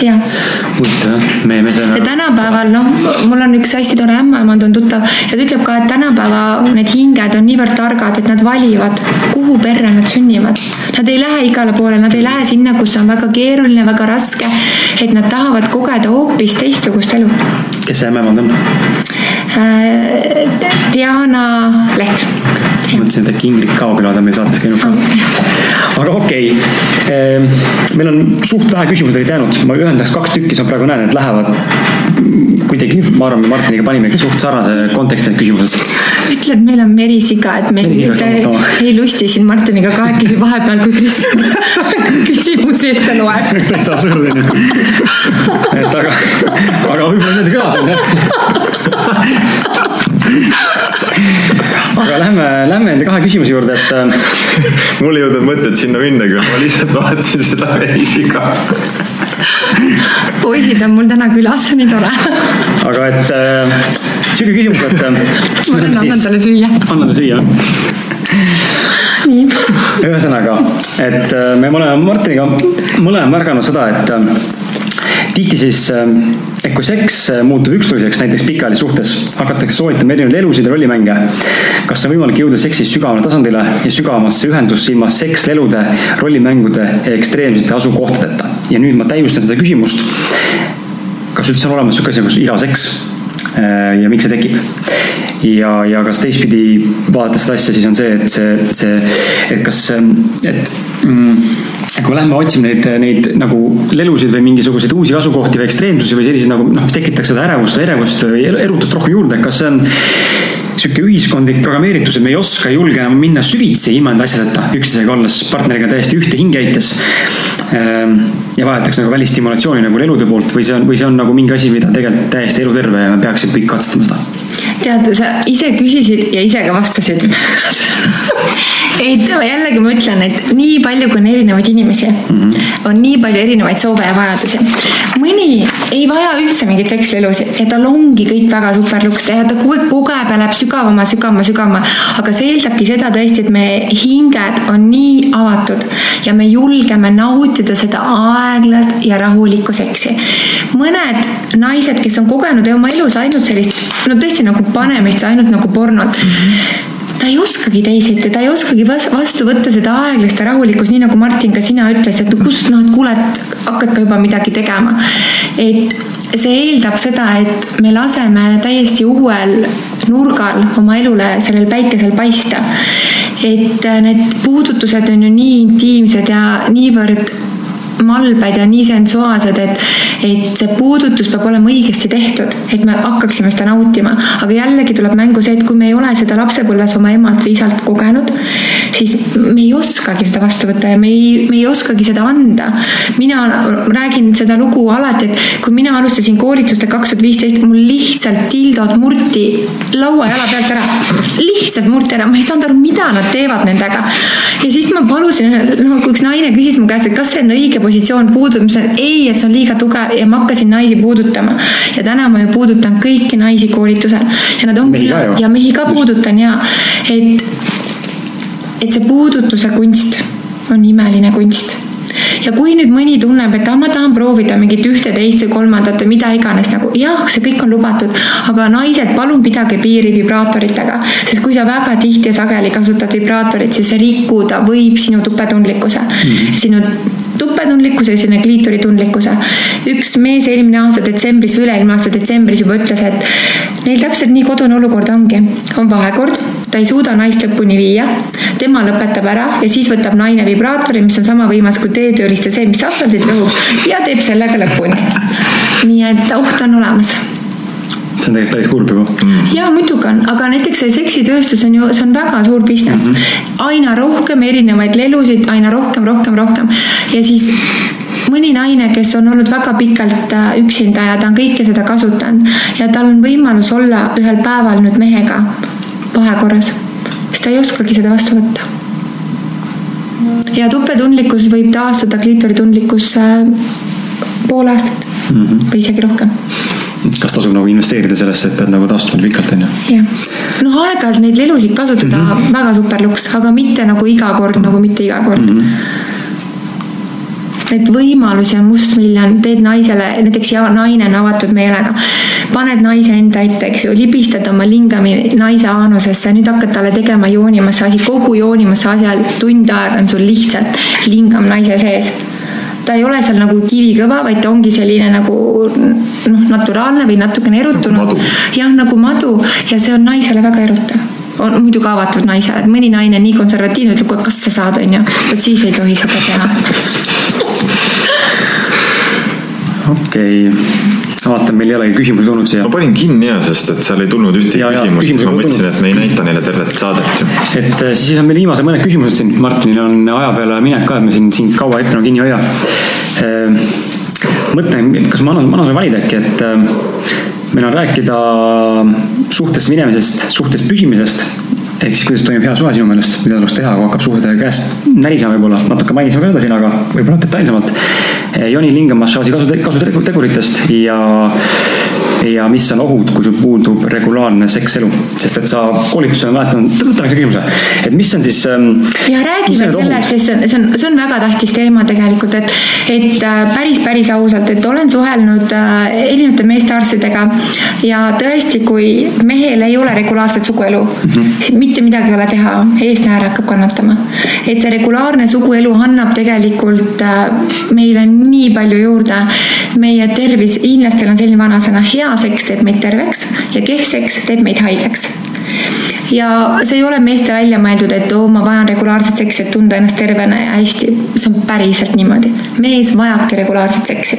kui naisel ei ole liibido nii kõrge, palun mehed, rahuldage iseennast Mm -hmm. ja mitte ainult seda klassikat, vaid tõesti, no ilmselt võib-olla oleks tore mõte kutsudagi mehed kõik koolitusele, paneme tildud laua peale ja õpidki, kuidas iseennast rahuldada. see on, see on väga suur alternatiiv, eriti sõjaväelastele ja ma ei tea, politseinikele ja kes meil on, et sellised, kus on hästi palju stressi selles tema töös, et see on, see on väga-väga tasakaalustav ja naistel samuti ju, kui naisel on regulaarne suguelu, siis ta vaimselt, füüsiliselt, emotsionaalselt on palju stabiilsem. särab. ta särab, ta on nagu päike ja ta ei vanane ta ei vanane niimoodi. see hoiab naise noorena. ja tema mõttemaailma korras, et ta on nii soe, nii sõbralik, nii aval, nii siiras no ainult head sõnad. aga kui mehel on nagu, mehe puhul sa tõid koolitus välja, ma mäletan, see eesnäärmevähk võib tekkida, eks ole, on ju. Ehm, no eesnäärmevähk, see on pikk teekond, eks ju, et, et kui te olete mehed näiteks vanuses kolmkümmend viis, minge juba ennast kontrollima, et see BSA test, üks tilk veiniverd, sealt on võimalik näha, missuguses olukorras on teie eesnääre. kui on see põletikuline, siis tehakse lisauuringut ja siis selgub, et mis see on mm. -hmm. hoidke palun oma jalad soojad, kui te käite talvel teksapükstega, palun pange teksapükstale sooja pesu. kui te teete sporti, valige ilmastikule vastav riietus, et te ennast ei külmetaks. suguhaigused, palun enne, kui te lähete uue partneriga voodisse, küsige tema käest paberit selle kohta, et tal pole mitte ühtegi suguhaigust mm. -hmm. täna on suguhaigused muteerunud, neil ei ole enam sümptomeid ja suguhaigused võivad olla mehe ja naise organismis viis, kümme, viisteist, üle kahekümne aasta. no kuidas neist vabaneda siis? ravi, ainult ravi suguhaigustest et nagu loomulikul siuksel, kui immuunsüsteem on tugev, ta ise ei, ise no, ei, ei parane. harva pigem. pigem väga-väga harva ja, ja isegi näiteks mõni mees võib küsida naiselt, kas sul on midagi, naine ütleb ei ole, sul on, ei ole, aga tegelikult on mõlemad edasikandjad, lihtsalt sümptomeid ei ole meil mm. -hmm. ja mõned suguhaigused, mis on välja ravimata, võivad põhjustada ka lastetust ja põhjustavadki lastetust. kui mehel on eesnäärmepõletik, see on välja jäänud ravimata, ta on väga kõrges riskigrupis haigestumaks eesnäärmevähki kaheksakümne aastastel meestel täna Eestis kaheksakümnel protsendil leitakse eestlane-vähk et see on väga-väga levinud. nii et mehed, palun hoidke enda tervist, et ma tean, enamus mehed lähevad arsti juurde siis, kui neil on väga suur probleem mm. -hmm. aga minge ka siis, kui teil midagi viga ei ole, igaks juhuks üks tilk veini verd või siis sellest ühest tilgast tõesti saab võtta väga palju infot või käige kahe aasta tagant mingis tervisekontrollis. hoidke oma tervisel silma peal, sest tervelt elatud eluaastaid Eesti meestel noh, väga vaevaliselt tuleb täna juurde ja peamised tervisega põhjused, kolmkümmend viis protsenti on meestel südame-veresoonkonna haigused, ülekaal, mehed kohutav, kuuskümmend protsenti Eesti meestest on ülekaalulised, kakskümmend nendest on rasvunud. ja mida teeb ülekaal mehega? väga tugevalt mõjutab teie seksuaalsust. mul on äh, trennis äh, käinud siis mehi, kes äh, ütlevad, et äh, peale trenni nad on nii kiimas, et noh, peab käe endale külge panema. et trenn on nagu tõstnud seda testosterooni kehas nii palju. muidugi, mehed tehke trenni jah, ma olen oma osade klientidega suhtlen nii ausalt, et nad ütlevad mulle siukest asja mõistlik okei okay., ja nüüd, kui sa rääkisid siis nagu nendest, ütleme mm, ohtudest, mis võivad kaasneda ebaregulaarse sekseluga, siis räägi, eh, või tõesti, räägi viimase küsimusena meile, mis on joni ja lingamassaaži kasutegurid? et kui mina isiklikult soovitan väga meie kuulajatel sinu juurde tulla, aga, aga kui mina ei, ei ole see, kes neil seda eh, piisavalt veenab, siis räägi, miks peaks inimesed tulema sinu juurde? ei, nad ei pea tulema, kui nad soovivad. jah, et miks nad võiksid tulla.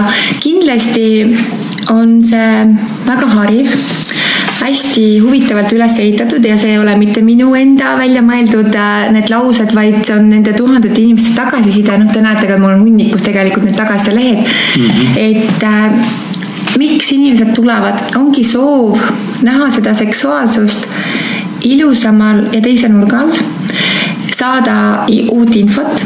Ja seal on ka ju praktika, et kui naistele alguses, nii nagu meestelgi on kaks tundi teooriat, kus ma räägin kõik, kuidas naise anatoomia, kõik see füsioloogia, kuidas see töötab, räägin väga palju sellest tervise poolest, räägin naudingute tähtsusest, siis teine kaks tundi on ju puhas praktika, kus me teeme kõik positsioonid läbi, ühtegi alast olekut ei ole minu koolitustel, mul on mulaažid laudade peal, mulaažide nimed on Lilit, Aadam esimene naine ei olnud Eeva, vaid oli Lilith, naine, kes armastas seksi ja naudinguid, guugeldage. ja meestel samamoodi kõik positsioonid näitan ette, tulen, puudutan, räägin juurde, õrnus, tugevus, seal on omad tingmärgid, erinevat tüüpi naised ja naistel koolitusel on siis tildod laua peal ehk herbertid ja seal on ka üle kolmekümne erineva positsiooni, kus ma samamoodi ülesehitusega ja mis kasutegur on selles kindlasti palju suurem sügavus suhtesse, lähedasem, intiimsem. Need mehed ja naised, kes on sügavas kriisis, nemad koolitusele ei tule. ja need naised, kes on oma mehe peale nii solvunud, ega nad ei lasegi isegi oma ennast puudutada, kui mees on näiteks selle koolituse läbinud sest see naise hing on üks äraarvamatult uskumatu tegelane just selles suhtes, et naisel on meeles ju kõik, mida mees on teinud kogu kooselu jooksul. ja kui on sealt ikka sellised sügavad solvumised, siis naine kaugeneb mehest. see on ainult aja küsimus, eks ju, kas jäädakse kokku, minnakse lahku ja tervise poole pealt nii meestel kui naistel väga suur kasutegur, stress, depressioon alaneb, õnnehormoon, serotoniin, oksüdotsiin, verevarustus paraneb, hapnikutase tõuseb, meestel, kellel on erektsiooniprobleemid, lingamassaaž on väga suur teraapia. meestel, kellel on enneaegse seemnepurske probleem, väga suur võimas teraapia. naised hakkavad kogema palju sügavamaid naudinguid, saavad parema kontakti enda kehaga, no see loetel on metsikult pikk. Et mina kindlasti, noh, ma olen ka koolitanud ju naistearste ja ja erinevaid terapeute ja nad on öelnud, et äh, ma ei tee oma koolitusega mitte kellegiga, kellelegi liiga. ma annan võimaluse inimestel suhtuda seksuaalsusesse kui samamoodi janusse või sellesse, et mul on kõht tühi ja võtta seda nii loomulikult omaks ja lihtsalt nautida läbi elu. Sest seks meie elust ei kao ka siis, kui me oleme kaheksakümmend et äh, kõige vanem koolitusel osaleja ongi kaheksakümne aastane meesterahvas olnud ja tema ütles, et temal alles elu algab. nii et kuniks elu. aga kust, äh, kust nüüd inimesed sind äh, leiavad ja rohkem infot saavad sinu kohta? kõige lihtsam on muidugi guugeldage Epp Käri, siin hästi palju huvitavaid artikleid tuleb välja, hästi palju huvitavaid lugusid ja amareluna.com on minu kodulehekülg ja meil on kodulehekülg niimoodi üles ehitatud. ma teen iga nädal koolitusi, aga meie kodulehekülg on üles ehitatud nii, et kui koolitusgrupp täitub, siis ta kustub automaatselt. ja kui te nüüd lähete minu kodulehele ja te näete, et esimesed vabad kohad on alles detsembris, siis ärge arvake, et ma vahepeal tööd ei tee. teen, aga need koolitused on välja müüdud mm. -hmm et mõned seal üksikud veel kuskilt on midagi üleval, kas seal septembris või oktoobris või, või kui keegi tõstab kohti ümber, siis tasub meie kodulehekülje peal silma peal hoida, sest siis on kohe näha, näed, et vabanes see koht, et et saate selle osta. et hästi lihtsalt on üles ehitatud kodulehekülg ja meil on seal netipood ka veel lisaks, et kus saab siis tellida küünlaid või kookosõli või siis mida iganes. väga lahe aitäh sulle. aitäh sulle, Epp, jah. nii toredad noormehed olete, Kris ja Martin, aitäh, et te mind kutsusite. aitäh, et sa oled meiega siin um, väga lahe.